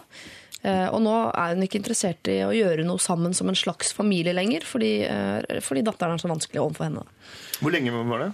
De har vært sammen i noen år, en fire år cirka. Hvor gammel var hun datteren omtrent? Ja, Hun er 15. Hun er 15. Det er jo midt i ja. Ja, det er, det er jo Kan du si et par du, Det er, jeg har vært 15 sjøl. Det er jo en helt grusom periode. Jeg var en heks på hjemmebane. Ja. Rett og slett mot eh, foreldrene mine, og særlig mot uh, mora mi. Var det selv? Grusom. Var det selv? Ja. Sånn er, og det er, jo, det er jo bottom line her. Ja, og jenter er vel også pga. hormoner mye verre enn guttene. Og så Og man er ofte altså, grusom mot sin egen mor, og i og med at her er det ikke noe uh, mor eh, inn i bildet for henne, så nå har hun fått en, uh, slags mor da, som man kan være grusom mot. Det er veldig deilig for henne. Og til og med enda verre, som tar over faren og Ja. litt sånn. Så det, jeg, skjønner, jeg kan skjønne hun 15-åringen eh, sin fiendtlighet nå. Ja. Men hun virker veldig varm, da, hun som sender inn det her. For hun virker jo oppriktig. Hun har prøvd å Så jeg, tipper, jeg vil tro at de to etter hvert kan bli veldig gode venner. Om la oss si et par, to, tre, fire år. Det tror jeg også. 15 år, eh, erkjenner fakta. Og veldig ofte at, eh, at i sånne skilsmissesammenhenger så straffer man foreldrene gjennom en tredjeperson. Man straffer faren sin med skuffelsen og følelsen av at de kanskje har sviktet dem gjennom en skilsmisse, og så straffer man dem gjennom eh, relativt ufarlig gjennom den tredje, den nye som kommer inn. Og det er helt vanlig. Det er en, det er en veldig, veldig vanlig taktikk. Det skjer hele tiden. Jeg, jeg gjorde det selv da mine foreldre skilte seg. Så det, så det, og det går sannsynligvis over hvis man håndterer det fint. Og den andre tingen her er jo det at hun kan jo, denne voksne damen som skriver inn, kan jo ikke forvente seg et friksjonsfritt forhold heller. Det fins jo ikke. Altså, alle forhold Det vil jo bare dukke opp et eller annet annet som, som Fins ikke eh, Tar jeg feil her? Eh, Nei, Fins ikke rene harmoniske forhold hvis man etterstreber det. Og det å ha en 15-åring gjenstridig, tverr, vrien eh, datter i huset, er det er helt normalt. Og det er jo kanskje, Når man får barn, så blir vel en del, en del sånn følelser blir satt på prøve. Og når det er andres barn Gud bedre meg, det må være Jeg skjønner at hun mister eh, tålmodigheten etter hvert, og hun føler seg som en heks, men hun må kanskje bare tenke jeg er ikke neks. Dette her er vanskelig for enhver. Mm. så- Men nå har det jo holdt på i fire år. Men vi kan jo se for oss at hun 15-åringen hun blir vel eldre etter hvert. Om fire år så er hun jo 19 og kanskje flytter ut. Eh, Så hun må kanskje Ja, det høres jo kanskje fint ut og at hun ikke orker mer, eh, men hun må jo se for seg også livet uten han, da. Da Jeg kan jo ikke heller se for seg et liv uten henne. For det er jo som du sier at tida Ja. går, og folk flytter ut. Og, det hele tatt, og hun har jo jeg, hun har kommet inn i denne familien på et såpass sent tidspunkt at barna er ganske store. Så man, kan ikke, man kommer jo ikke inn sånn, sånn og, og skal bli mor på noen som helst måte.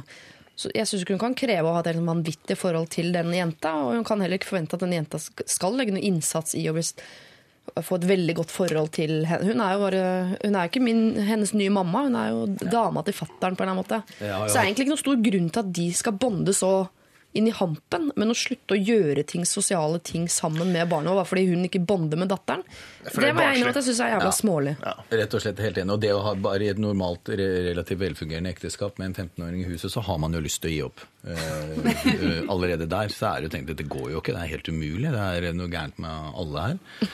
Eh, så- Bortsett fra meg selv, selvfølgelig. Ikke Nei, og meg, ikke minst meg selv. Jeg tenker, Fader, jeg er relativt bra regissør overfor skuespillere. De hører på hva jeg sier, men det er jo ingen som tar regi her. Er Ingen som, så jeg finner ikke medisinen, jeg finner ikke veien, veien inn, og ble med like mye meg selv som det hormonelle trollet som da er utilnærmelig. Så, så det er, dette, er, dette er normalt.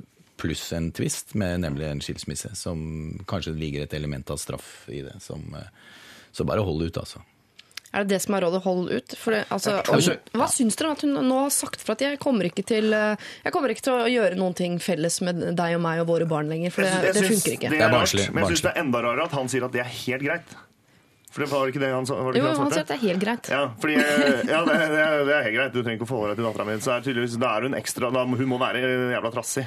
Hun dattera? Ja, Det høres sånn ut. Siden til og med faren er sånn- sånn Ja, men det er, faktisk, det er faktisk helt greit at du ikke vil forholde deg til henne. Det er jo det er jo en rar ting å si. Men det kan godt hende at han er konfliktsky også. Han måtte ser at det blir, det blir lettere for ham også. Ja. Hvis, de, hvis, de, hvis de bare ikke er sammen med henne. Kan, de andre kan liksom være der, men, men hun kan man løfte ut. Eller vi sørger for at det ikke er eh, altså sammenkomster hvor hun, hun er med. Så Jeg kan godt skjønne at han syns det er lettere. Ja. Men kan du ikke slutte å prøve, da? Hvis de er på samme sted, så er de på samme sted. Men det er ikke, det kan, jeg ser jo for meg at innsenderen også kanskje har gått inn og prøvd å være hun kule stemora eller en kule Ja. eh, Kanskje en potensiell venninne, eller ikke sant. Nå skal ikke... jeg være den moren du ikke har hatt. Og det, kan godt, det vet jeg ikke, men det kan godt hende. Det er vel ikke noe vits i. Men du, når hun er 15 år, så er du uansett du er ikke kul, eh, enten du er mor eller stemor. Nei? Du er ukul. Ja. Kanskje man skal bli komfortabel i rollen som ukul. Ja, ja, ja, ja. Så du må holde ut å være ukul i noen år, så kanskje du blir superkul. Hold ut, kos deg med dine barn, kos deg med din eh, kjæreste, og bare eh, på en måte aksepter at det også er en, en stedatter der på 15 år som er eh, midt i en av de vanskeligste tidene i livet. Og så bare vær kald. Gå med den samme isklumpen i magen som jeg snakket om før i dag, og så blir det Kanskje, det kan vi ikke love men det kan jo bli fryktelig flott eh, på sikt. Da. Og det du skriver om at det har vært en følelsesmessig berg-og-dal-bane, sånn er det å være kjæreste. Lørdagsrådet på P3. Kodeord P3 nummer 1987 er stedet du sender SMS hvis du har problemer. Og vi har fått inn et eh, kort, lite problem ditt som jeg tenkte jeg skulle lufte for eh, dagens rådgivere. Uh, Jøte her har skrevet eh, Jeg har et lite praktisk dilemma fra julen når vi var på ferie hos svigers. Der har vi soverom i samme etasje som dem, og doen er vegg i vegg med soverommet deres. Hvis jeg må opp og tisse om natta, er det bedre at jeg skyller ned og risikerer å vekke dem, eller bør jeg la være å trekke ned? Ta med en bøtte og fyll den med vann. eh, som du har ved siden av, for den kan funke på akkurat samme måte. Da hører man ikke den der eh, rørelyden. Nei, Det er mitt. det er ditt tips. Ekstremt praktisk og Er det sånn at, uh, forstå at disse svigerforeldrene ikke går på do om natta? Sånn at de, de aldri står i fare for å vekke ham hvis de skyller ned? Har de noe Men det er de som har soverom vegg i vegg. Det ligger som en slags buffer, antageligvis. Da. Ja.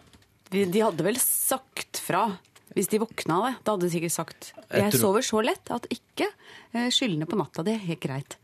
Men en annen ting. eh, Gutter tisser så sykt hardt i do at jeg er sikker på at, hun vokst, at det, de foreldrene våkner, våkner av den tissestrålen. Må sitte og tisse. Må sitte og tisse. da. Piss på sida, ikke piss rett i vannet. Piss på veggen. Porselenveggen. Eh, jeg tror kanskje faren for at eh, svigerfar hadde sagt 'hvem faen er det som ikke har trukket ned' neste morgen, er enda større, så jeg ville trukket ned. Ja, det er jo så skitten, altså. Ikke skylle ned etter seg. Det må man jo bare gjøre. Få det vekk. Ja, for det er grisete, og det kan jo være at eh, selv om han i sitt hode tenker sånn Men jeg gjør det bare for å være grei. Eh, Så vil ikke sviger, eh, svigers tørre å konfrontere deg med det at ikke Nei. du trekker ned. Så de kommer til herfra ut og tenke at du er en gris. Dorullen lager mye bråk. Og så hvis jeg, å, jeg bæsjer på natta, skal jeg la være å tørke meg for at de våkner av dorullen. Som... Får du det til å bråke? Dorullen Mot som Ja. veggen. Eller gå ned og ut, og så ut rundt huset, og så gjør det ut, bare ute. Piss i vasken. Skru på vannet. Da kommer det griseelementet inn i bildet. Ja, ja, ja. Ned som vanlige folk. ja, det ville jeg gjort. Ja, fordi altså, Hvis de er svigers, de er vel rause nok til å unne folk å gå på do om natta. De, hvis de er svigers, så begynner de vel å bli såpass gamle at det er eh, noe man bare gjør. Altså, Har vi ikke strengt tatt brukt lang nok tid på dette problemet nå? Skjønner det? Skjønner det? To minutter! Men hva, hva, altså skyld ned og risikere å vekke dem. Det er så enkelt. Ja. Det er Absolutt. Så enkelt. Er det. Har du noe vanskeligere Kom med noe vanskeligere, utfordre oss. Vi trenger noe som er litt vanskeligere enn eh, det der. Lørdagsrådet Ekkolodd hørte du eh, der. Låta heter eh, Perler. Vi i Lørdagsrådet i dag er en jeg synes det er en variert, fin gjeng. Petter Ness, den eldste av oss. Jeg jeg, Takk. Man skal ikke henge seg opp Henge seg opp i detaljer fra Wikipedia, men eh, jeg leste om deg at eh, på 80-tallet så var du rekvisitør, rekvisittassistent. Det stemmer det. På to Olsenbanden-filmer. Hva gjør man som rekvisittassistent? Da assisterer man rekvisitøren, eh, som Aha. er hovedrekvisitøren. Og det er egentlig en veldig morsom jobb, altså, for det er detaljene, detaljene ligger i objektene, hva som er i rommet, hva folk holder i hendene. Fikk veldig stor, tidlig respekt for hva, hva, hva det er. Hvis du ser liksom på så store method acting-skuespillerne, de holder alltid på med et eller annet, Litt objekt, enten en sigarettpakke eller hva det måtte være. Men finne de riktige tingene, for som, som både Kanskje ikke dette vi egentlig skulle snakke om, men, mm. men i hvert fall som både beskriver miljøet, og rekvisitter beskriver jo både tiden og karakterene. Altså Det lager jo en ramme rundt hvem disse folka er, hva som betyr noe for dem. Så heretter skal dere holde et, øyeblikk, et øye med det. Men Drev du med henting av rekvisitter, eller laging? Ja, jeg var nok litt, eh, jeg var nok litt, eh, på en måte litt slave, men han var, veldig, han var en danske. For de lagde jo Olsenbanden-filmen først i Danmark, og så kom han opp med mye av rekvisittene hit. Og, og så hadde vi en avtale med et eh, For de drakk øl hele tiden i Olsenbanden, så vi hadde et avtale med, med et bryggeri her i byen. Så vi, han hadde alltid eh, Petter, kom her. Så alltid dro tråkket en skuff, der var det alltid kald øl. Ja. Så det, sånn var det på 80-tallet. Det er ikke sånn nå lenger. Den Nei. er varm, den ølen nå. ja, for den har stått, stått så lenge, vet du. Eh, jeg var nevnte nemlig at det var rekvisitør i stad. Det er noen som har spurt. så derfor det Ja da, nei, jeg har vært det. Ja. Gøy. Eh, Gunhild Dahlberg er også her. Du eh, er jo kjent for alle som hører på P3, egentlig. Som eh, utegående reporter gjennom eh, vær og vind. Nå endelig gått inn i varmen på Kunsthøgskolen. Ja. Godt. Det Godt måtte gjøre. Det gikk eh, tom for batteri på senderen min, så da hadde jeg jo ikke noe mer å gjøre enn å begynne på skolen. Finne meg et annet levebrød. Og Olli Wermskog, som jo er i andre enden av dette, som er på vei altså, inn i P3 sånn ordentlig. Skikkelig. Ja. skikkelig Er du min liksom. vikar? Eh, kanskje ja, ja, ja, ja, ja. Jeg sier ja. Nei, det er mer Marte Mørland, som også skal være med i Båler brytes, som blir din eh, slags vikar. For hun Ja, skal være det. litt ute på gata. Sånn. Ja, Hun skal være hovedsakelig ute på gata. Premiere på mandag. Ja.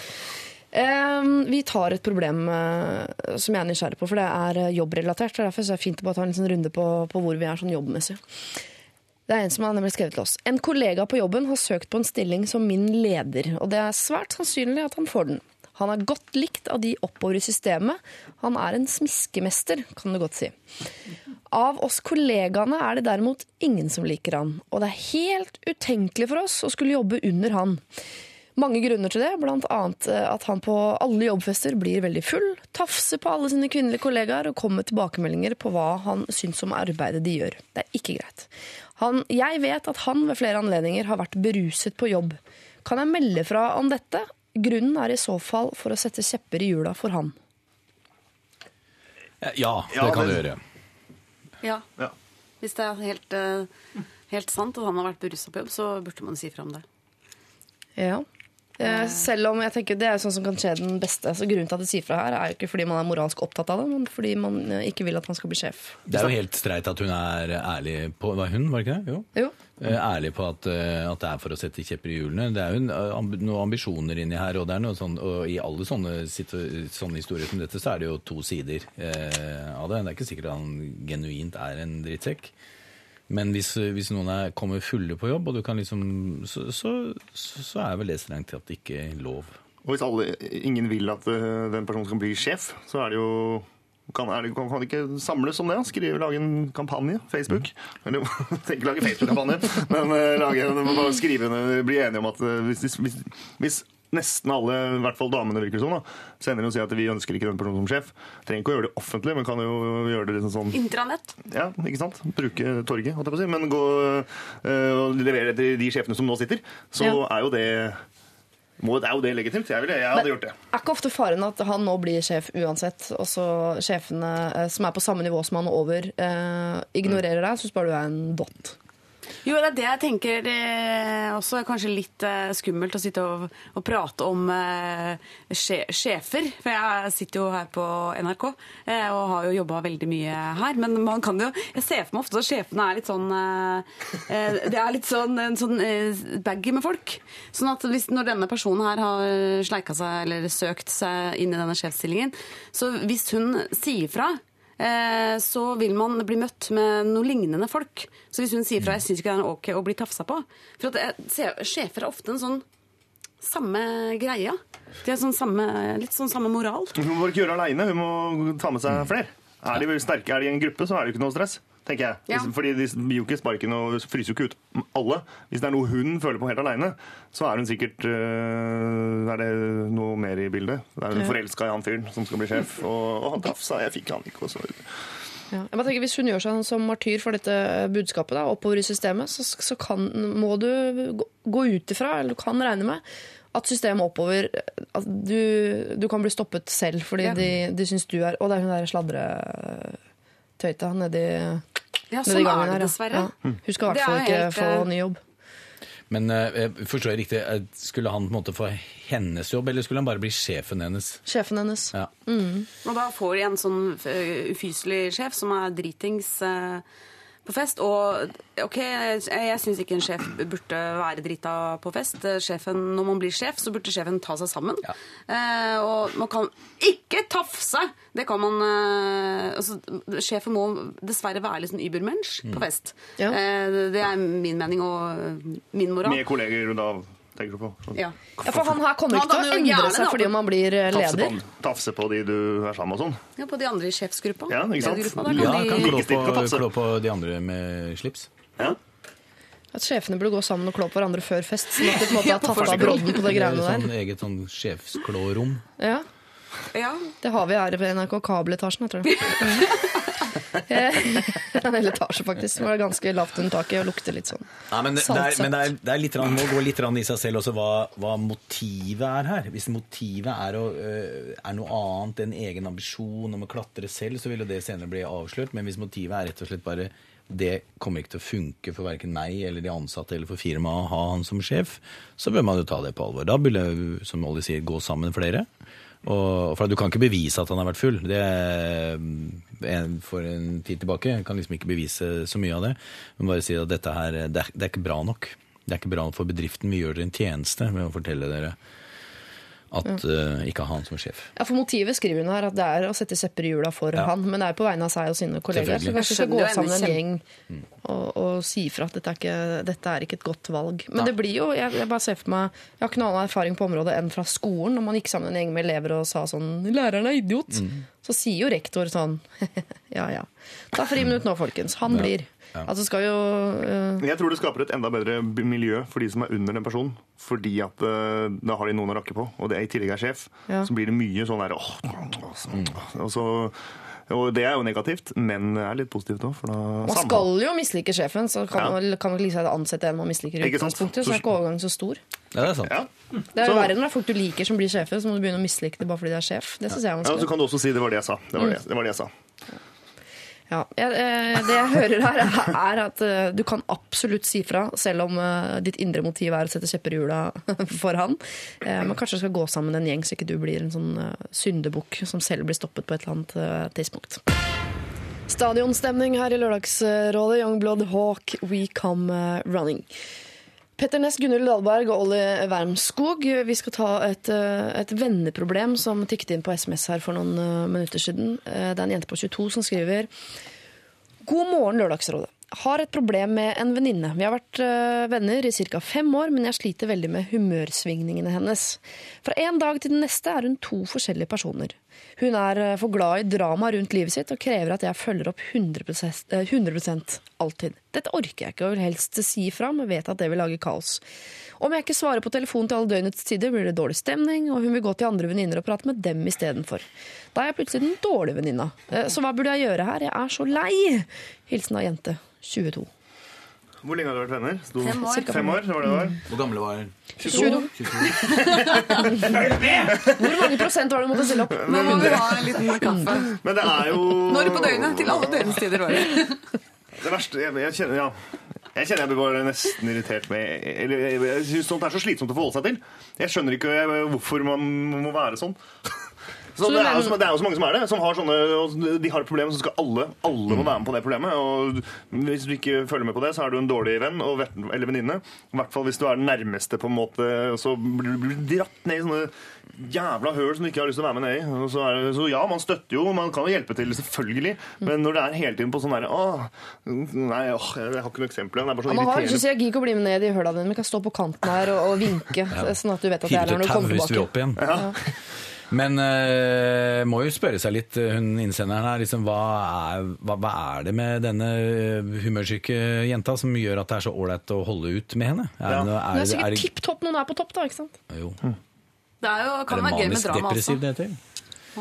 Eh, men, det høres, ut- men man skal være utrolig forsiktig med å få liv, livet sitt tatt over og styrt av en såpass humørsyk person. Altså. Det er vel Og så har de ofte en sånn eh, de, har, de er så sterke personligheter ofte at man blir sånn avhengig av sånne mennesker også på en sånn rar måte. Eh, kanskje jeg bare snakker for meg selv da. Nei, Man blir Men, bekreftet gjennom sånne personer. da. ja. Ja, Det bekrefter deg om du er ålreit eller ikke. liksom, og Så blir man litt avhengig av de, de tilbakemeldingene fra et så sterkt menneske. Det er ikke noe bra. Nei, og så når de da går ned, så ja, Nei, det er, det bare slitsomt. Det er jo litt urettferdig at det er den, den med humørsvingninger i gjengen som til hver tid skal sette stemningen. Så det Er litt sånn, er hun i godt humør i dag, så blir det veldig hyggelig. Er hun i dårlig humør i dag, så blir det ikke noe hyggelig for noen. Men eh, jeg syns også du som sender inn hengelapper i rare ting som at hvis ikke du svarer på telefonen til alle døgns tider, så ringer du til andre venninner og snakker med dem. Det må hun få lov til. Ja, også Hvis jeg ringer og noen ikke tar den, så er det ikke sånn Jeg ringer deg til du tar den. Det er ikke, da Ja, ringer vi videre. Ja, ja, Men hvis hun driver og truer med det, Ja. hvis hun bruker det aktivt Hvis ikke du tar telefonen hele tiden, så bare ringer jeg til de andre. Da er vi ikke venner lenger. Altså, det er jo, det er jo en Og så er det sikkert mye sånn sånn baksnakking noe og- Lillemor-greie. Ja. jeg følelsen av. Men det er en eh, kamerat av meg som bruker begrepet negativ kontroll. Og det er det enkelte mennesker som, har, som klarer å kontrollere omgivelsene sine Mm. med en negativ inngang. En, eh, en, ja, eh, og, det virker det som om hun har her. Hun har sånn 'hvis ikke du, så blir det ikke noe sånn'. altså når det er sånn Negasjoner. og 'Hvis ikke du føler opp det, så gidder ikke jeg'. Og sånn. Og det skal man være jævlig forsiktig med. altså. Ja. gå med på. Hun er ganske stille. Ja, for jeg tenkte bare good riddance, tenker jeg. Når hun sa jeg orker ikke mer, så tenker jeg nei, det skjønner jeg kjempegodt. Det Drit i hun dama. Og det fins masse andre folk du kan være venn med, selv om du har vært venner i fem år. Det er utrolig slitsomt å, å ha sånn Jeg, jeg er så, også sånn som ikke orker å snakke lenge i telefonen. Så jeg også være sånn, ha sånn telefonvakt for eh, sånn humørsyk venninne. Nei takk. Jeg har ikke sånne venner. Jeg får kvitta meg med dem. For Men vil du si at humørsyke folk de eh, fortjener altså ikke å ha venner? Nei. Det er det vi sier. Nei, men det jo selvfølgelig fortjener de å ha venner, men eh, kanskje hvis de skjønner at de i en periode ikke har så mye venner, så å, det var kanskje jeg, det er derfor at jeg drar alle med meg ned. De fortjener et korrektiv. Ja, og blir, jo det verste er at Hun har sikkert fått høre det mange ganger om, men hun bare skjønner det ikke, så hun må kjenne det på kroppen. Antakeligvis har hun aldri fått høre det. For det er ingen som sier fra. Det er hun, de andre venninnene har fått høre det bak ryggen hennes, men hun har nok ikke fått høre det. Det kan godt hende at hun har fått eh, høre det, men vi kan jo også se for seg at hun kanskje ikke er så flink til å ta kritikk. Hun er bitte litt fordomsfull mot uh, hun Slobodan Klekovic som eh, ringer telefonen hele tiden, og drama queen. Jeg tror ikke hun tenker hvis folk sier du, unnskyld meg, du er veldig humørsvingete og du er, er du manisk. Jeg tror ikke hun tenker «Hå! Tusen takk for at du sa fra. Hun blir jo fjula av det. Da ringer hun videre til andre ikke sant? og sier 'vet du hva hun sa', eller? Ikke sant? Så det er jo så det er jo den satt på sidelinjen, så egentlig som er bare clean cut. La henne sprelle. Eller så må hun bare tenke at hun er eh, venninna hun som har sendt inn, da. Hun er jo klar over problemet, så hun må bare ikke ta seg nær av det og tenke ja, bare ring videre. Jeg orka ikke å snakke med deg i dag, så ringer hun Trine nå, da. Og så orka ikke Trine mer, så ringer hun Kari, og så Kari har, bakvakt i dag. Så. Ja, litt sånn. Ja, Hun får et mye bedre liv hvis hun bare tar litt avstand fra det og slipper å være med nede i høla. Men folkens, altså, kaller du uh, Jente 22 her kaller du for humørsvingninger. Men la oss si da, at disse humørsvingningene på papiret er beskrevet av en lege som at hun er manisk. Da, da er det jo nettopp gode venner som støtter henne hun trenger. Skal, hun da, skal man støte henne bort fordi hun er psykisk syk? Nei, men Da blir det noe annet, for det høres ikke ut som For da er det et eller annet i den uh, hun som har sendt inn Um, Hvis jeg hadde fått høre det her med en venninne eller en uh, kompis, så er det noe helt annet hvis det er en, en sykdom, på en måte. For Ja. da går det ikke så personlig inn på meg, tror jeg. Da er det litt sånn, ok, men da, Nå vet jeg at det er den siden som kommer inn, og da er det mye lettere å liksom ta det sånn Ja, da er det greit. Og så der er du tilbake igjen. på en måte sånn, Så hjelper man, støtter man den personen når de er nede. Men når du ikke er klar over hva det er, så er det mye tyngre. For da Men jeg tror, jeg tror det er viktigere å møte den hvis det er en sykdom. Det, er jo, det kan vi jo ikke påstå på noe, men møte det med en type ærlighet enn eh, en falskhet. Altså Hvis du, hvis du måtte, er med på å nøre opp under den ved at du er med på det spillet, så tror jeg ikke du gjør den eventuelle sykdommen noe særlig bedre.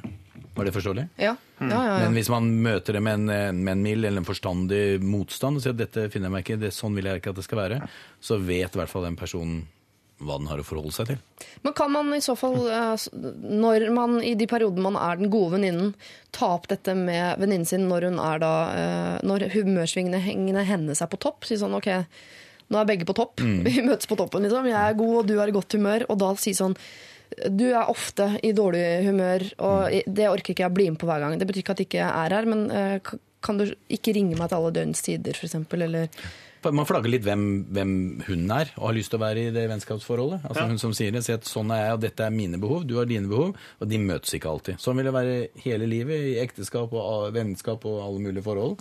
Det matcher aldri helt. Nei. For er dette slitsomt for deg som venninne, så er det helt sli sikkert slitsomt for hun som kjører den berg-og-dal-banen nå. Og så kan vi jo se for oss, eller tenke hvis det er en eh, Hvis hun har, er mannens depressiv, så og, og Eller uansett, da, hvis det eh, Det nytter ikke bare å være venn rundt. Man må skjerpe seg inni seg. Det er hun er eh, heksa. Hun må ta seg litt sammen. Og hun må eh, få behandling, eventuelt medisiner. Hvis det er det, nytter jo ikke bare å ha venner som støtter opp i øst og vest. Man må liksom gjøre noe inni seg også. Greit, det er Marte Krogh. Du må bare ta seg sammen. ja. Rett og slett gummimenn. gummimenn. Manisk er ja, ta deg sammen. Og en rik eh, mann på 65. Vi skjønner, vi skjønner veldig veldig godt at det er slitsomt. Jeg tror det er veldig mange vennegjenger som har, altså, har denne venninnen i sin gjeng som er opp og ned hele tiden og setter stemninga. Og nei, du skal ikke bli med ned hver gang. Og nei, du skal ikke være tilgjengelig på telefonen hele tiden. Um, Men du, trenger, du kan jo være litt venninne for det. Vi sier ikke at du skal dumpe venninna di bare fordi hun har humørsvingninger, eller? Eh, jo, hvis det fortsetter å vedvare hun føler seg spist opp, så må man jo dessverre slå opp med en venn. Ja. Hvis du blir spist opp, så må du slå opp med en venn. Lørdagsrådet er overhodet ikke lei av den forrige, men her er altså en ny låt fra Mumford Sons, 'Lover of the Light'. Vi skal ta et uh, kort problem dere, som har kommet inn på, på SMS, som er arbeidsrelatert. Det er en gutt som skriver inn eh, Hei, gutt på 20 år, som er sønn til min far, som har tatt over et anleggsfirma. 70 mann ansatt. Jeg må jobbe helger og kvelder hele tiden, eh, men tør ikke å si fra, for da blir han kanskje sur på meg og mener at jeg er ubrukelig. Hva skal jeg gjøre? At han jobber for sin far, som er sjef i et eh, anleggsfirma med 70 ansatte. Og faren eh, bruker han til å jobbe helger og kvelder, og litt sånn som det var i gamle dager. Og vil at han skal, Han vil at han skal overta firmaet da? regner Det vet vi jo ikke, men det kan jo være en gulrot da, eventuelt, hvis, når det ser mørkt ut. Du har ikke giddet å være sjef. Han må aldri ta, han må aldri ta over det firmaet. Det sier jeg bare. Men kan å han gjøre, gå egne veier. Kan han ikke finne en annen bransje å jobbe i?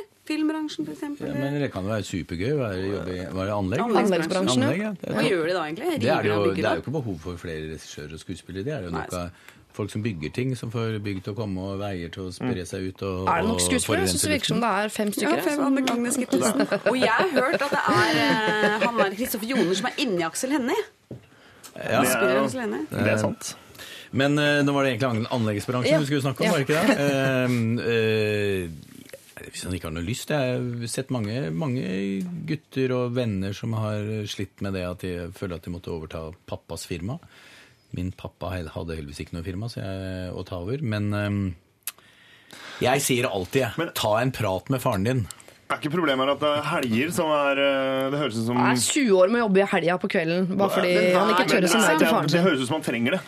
Ut ifra at han øh, sier det han sier nå. Fordi ah, Han må jobbe helger og må jobbe kvelder. og Han er jo i 20 år. Han burde jo kunne jobbe så mye som bare det. Det er jo ikke noe stress i. Bare jobb og få en god arbeidsmoral og klin til.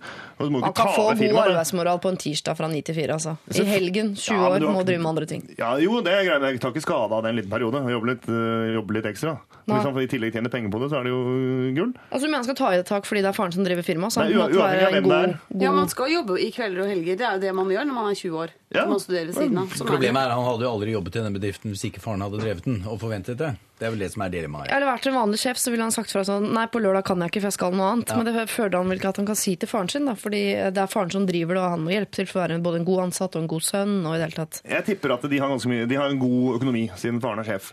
Eh, Så den familien eh, eller, har, så Han har sikkert eh, hatt det ganske fint. Og så tror jeg faren har pusha han litt sånn ekstra nå. For liksom, du, han, Nå leser jeg mellom linjene, men han må ut og få arbeide litt og ta, Dikte litt. ta Og skjønne at ikke pengene bare gror i minibanken. Ja, og da tenker jeg at det er bra. At han får litt sånn de, Han får hulla ut i putene under armene. Og det er litt tydelig en far som er av litt gamle skolen som skal si at det skal ikke være lett. Du skal, du skal slite, og du skal Ja. jobbe. Du skal jobbe ugunstige tider. Du skal ikke få de beste tidene og de beste skiftene bare fordi det er faren din. Eh, Så, så det, det høres jo som en, på en, måte, en litt sånn fornuftig skole som er superkjip å måtte gå gjennom. Men syns du ikke det virker som far her går litt langt? da? Synes det er lettere selvfølgelig å utnytte sønnen sin enn de andre 70 mannene som jobber, eller de andre 69, kan- da, som er bruker ikke- han hele tiden til å jobbe helg og kveld. Og... Kan det hende at faren skal vise de andre at du sier at jeg, jeg plaget sønnen min? Ja, eller Det er ikke noe lettere for han enn Det for er dere. lettere for han enn ja, men for- Går han ikke litt langt i det, hvis han må jobbe Kommer han på mye sønnen får betalt. Og kanskje han kan legge seg masse penger så han kan reise fra faren Ja, sin og er, bedriften. ja, det er jo mange mye fakta man ikke vet. Det er vel lite sympati gutt 20 her for. Ja, Altså, men Gutt bare stå på- 20, du skal kunne arbeide deg hjemme, ser ikke noe problem. Altså, ja, det er greit nok, det er kjipt osv., og så videre, men du er i, og for det andre så er du, du er, får lov å være sjef i en alder av 20 år for 70 menn. Eh, Eller det er samme om det er menn eller hva søren, men det, er, det må være litt kult må det være også. Det er faren som- som er sjef. Ja, men han er jo ikke der. Han må jo da Å ja, sånn ja. Jeg tror han tok over for dem. Nei, Nei, nei, det er faren bare- som er sjef. Ah, Han er ansatt hos sin far sammen med 69 andre. ja, sånn ja. Ok, Men uansett så er det bare bra å jobbe. Men hvis faren eh, er av en sånn kaliber at denne sønnen ikke tør å gå og snakke med ham og sier pappa, jeg har ikke noe lyst til å jobbe denne lørdagen, jeg har ikke lyst til å reise på hytta med noen kamerater eller stå på ski eller et eller annet. Hvis faren er sånn at det ikke går an å snakke med ham, Mm. så er jo problemet noe helt annet enn selve anleggsbransjen Enig. og arbeidstidene. Ja, så får han jo lønn, da. Det må være digg å få litt penger. Hvis han får det. Ikke hvis han aldri får tid til å bruke den. Nei, hvis han jobber hver eneste helg, Ja. altså fra fredag ettermiddag til mandag morgen, hver eneste helg, eh, og mange kvelder i uka, så kan han sikkert kontakte LO. For det der er sikkert ikke lov. Nei, for det høres ut som litt sånn uh, altså, thailandsk uh, Ja. Da ble han i hvert fall uvenner med faren. For 20 timer. ja. 20 kroner timen. Men hvis han jobber annenhver helg og jobber noe skift i øst og vest og stiller opp litt, det, sånn er det å være i familie, og sånn er det å være i arbeidslivet. Velkommen ja. til verden. Eh, Hilsen tante Gunhild. Ja, vet du hva? Kanskje han rett og slett må eh, stille opp litt ekstra fordi han er ansatt, Man er faktisk også sønn eh, av sin far som er sjef. og Da må man kanskje ta i et tak både som ansatt og som familiemedlem. At da blir det litt helger og kvelder og sånn. Man kan jo begynne å gjøre eh, koselige helgeting. For eksempel, vi er jo her på Lørdagsrådet i helgene. Ja. Da får vi skons med sjokoladebiter. Kan han ta med seg noe helgekål? Kanskje kan han bake en bløtkake? Ta med noen fyrstekake, et eller annet på Ha det gøy. Ha Det er begrensa hvor død vi skal gjøre han 20-åringen er nå, som allerede jobber i helger og på kveldene. Hvis han skal må begynne å bake kaker også. Ja, La han få være litt ung. potetgull. Da er det hva Ikke begynne å unge bake. spiser. Ikke begynn å bake, det er ikke veien å gå. Så koselig. Ok, Du fikk ikke så mye noen, uh, klapp på skulderen, du fikk mer tupp i ræva. Og sånn er det av og til her i Lørdagsrådet. Jeg lurer på om du bare må fortsette å jobbe litt sånn på kvelder og helgene. Da blir du en god sønn, og du får en høy og god arbeidsmoral.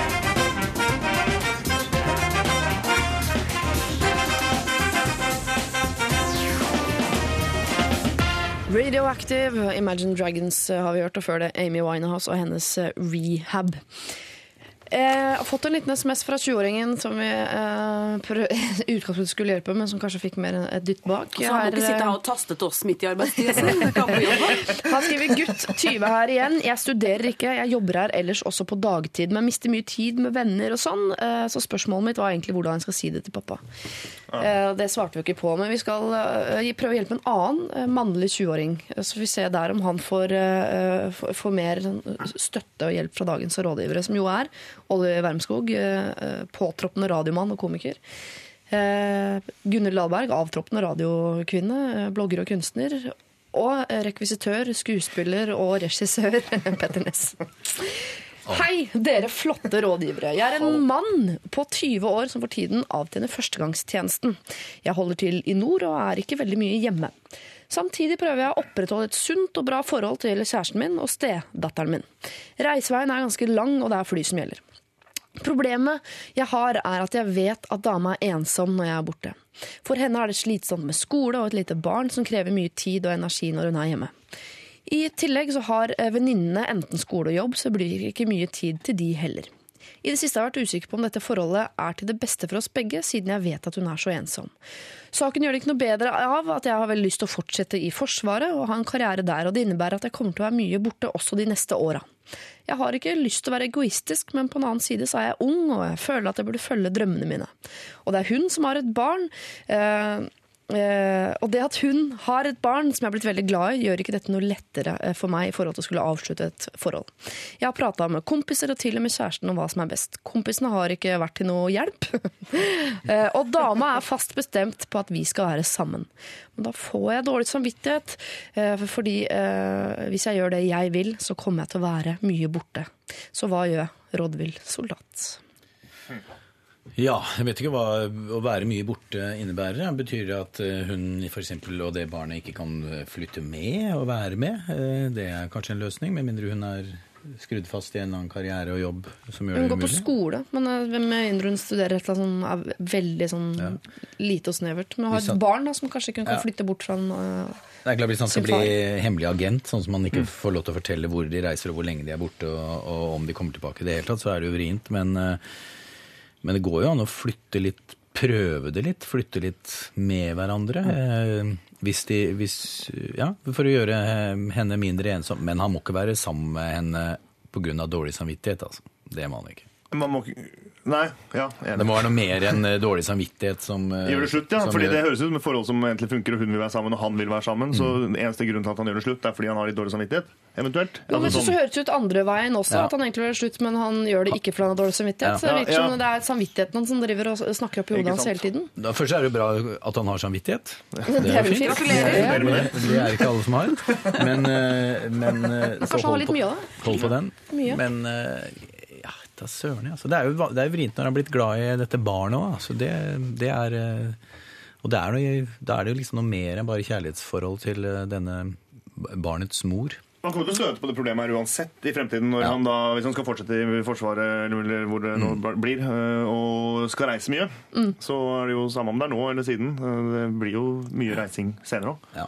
Men eh, han er ung og har lyst til å Han er ung og vil følge drømmene sine. Eh, altså sånn Isolert sett, burde han det? Burde han, eller? Nei, det her sier du sier det helt riktig flertall. Han vil følge drømmene sine. Hadde det vært én drøm, jeg skal det. Jeg skal seile jorda rundt. Jeg bare gir faen i alle andre. Jeg seiler. Jeg gjør det. Men her er det jo flere drømmer. Han har lyst til å være, litt lyst til å være sammen med en dama. Han har lyst til å jobbe i militæret. Han er veldig glad i det barnet. Så det er mange ting, da. Det kan jo bli ganske fint det når du samler alle de drømmene. Prøv å få det til å gå opp. Få trekk med barnet og, og hennes student, Studine på lasset. Ja. Jeg synes det hørtes ut som han egentlig har bestemt seg for at, at det ikke funker. Eller at han bestemte seg egentlig for å gjøre det slutt. Han har jo snakka med alle kompisen og hun, og hun er klar på at hun vil være sammen. Men det høres ut som han bare bruker samvittigheten sin som det eneste motivet som for å holde han igjen. da. I det siste har jeg vært usikker på om dette forholdet er til det beste for oss begge, siden jeg vet at hun er ensom. Så han er usikker på om det er til beste for begge to, men den han er usikker på, er jo ikke seg selv. Han er usikker på om det er til det beste for henne, fordi hun er så ensom da i forholdet med han. Men hun, de har snakket om det, og hun vil jo være sammen med han. Men det kan jo være et argument for å sukre pillen. ikke sant? At hun er ensom eh, når hun er sammen med meg, så er det bedre at jeg setter henne helt fri. Det kan jo på en måte være en måte å gjøre det litt sånn enklere å, å For seg selv på. Ja. for seg selv. Dumpe henne. dumper han han, dum, også. han dumper henne ikke, det opplever jeg. Det er litt flåste sagt, for jeg føler ikke at han gjør det. Jeg føler at han har respekt for henne og er glad i henne, men det er, det er et annet element her inne som, som gjør at han, han, han føler at han må frigjøre seg litt for å, for å tusle videre.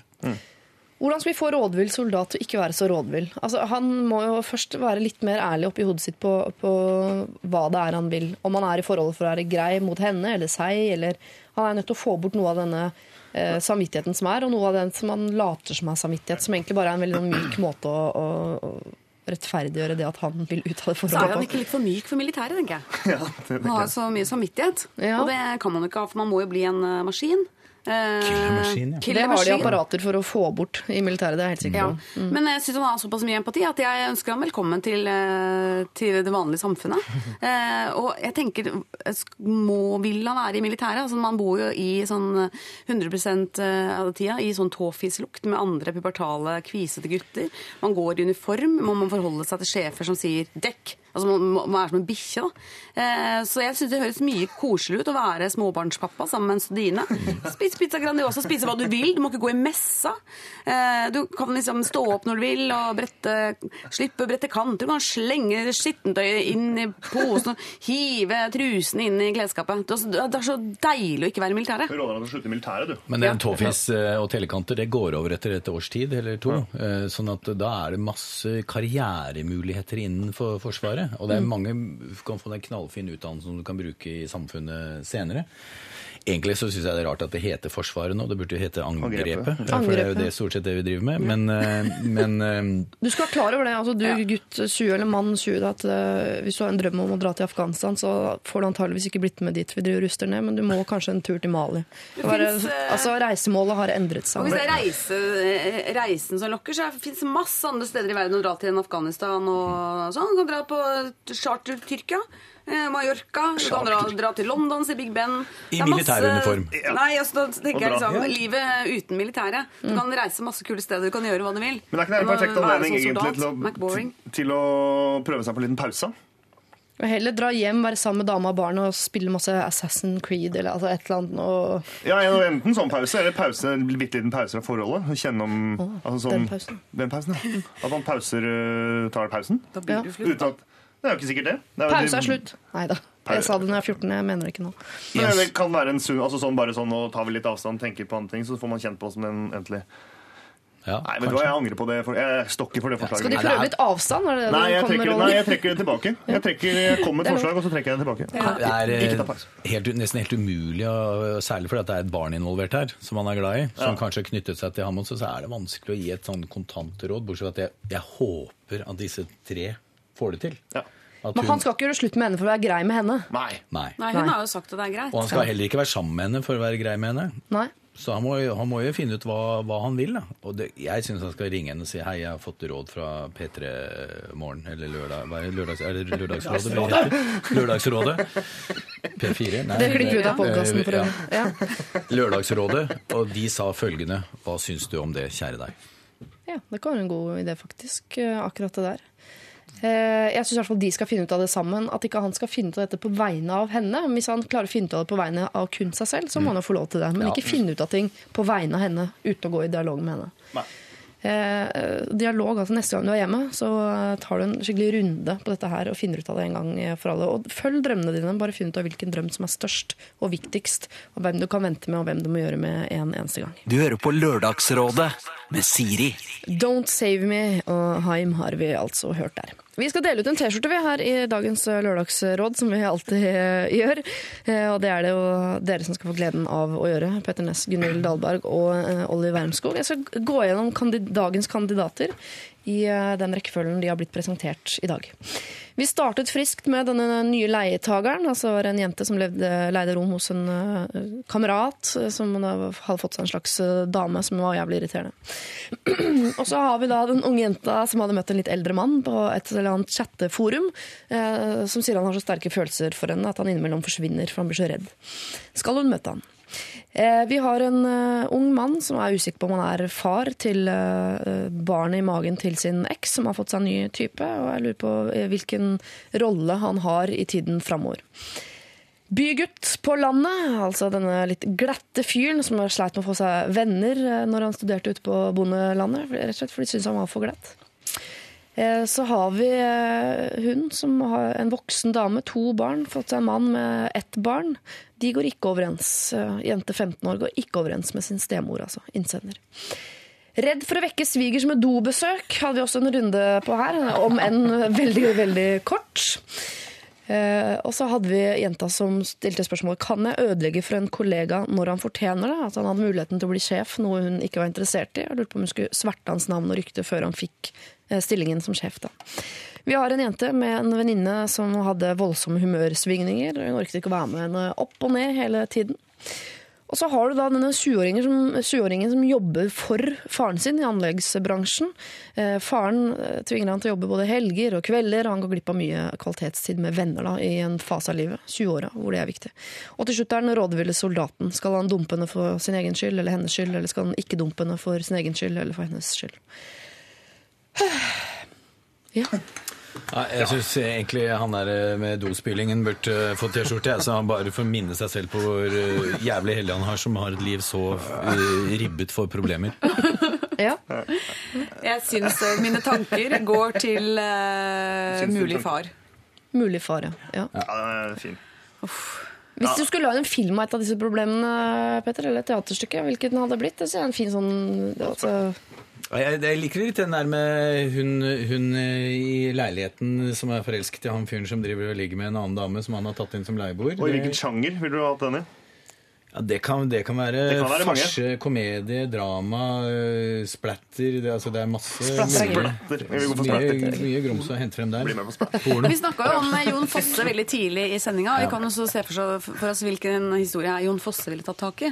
Og kanskje ta i T-skjorta. Det er vel dospillinga, mi, jeg tror. Det hadde Ja. vært en fin uh, Ja, Jeg tre jeg vet ikke om han hadde tatt tak i den, men det hadde vært en gøyal Jon Fosse-scene. føler jeg. Det er mulig jeg hadde gått på teater nå. Liksom. Ja, jeg kunne tenke, jeg, jeg, jeg lyst til å gi til uh, han derre på landet, ja.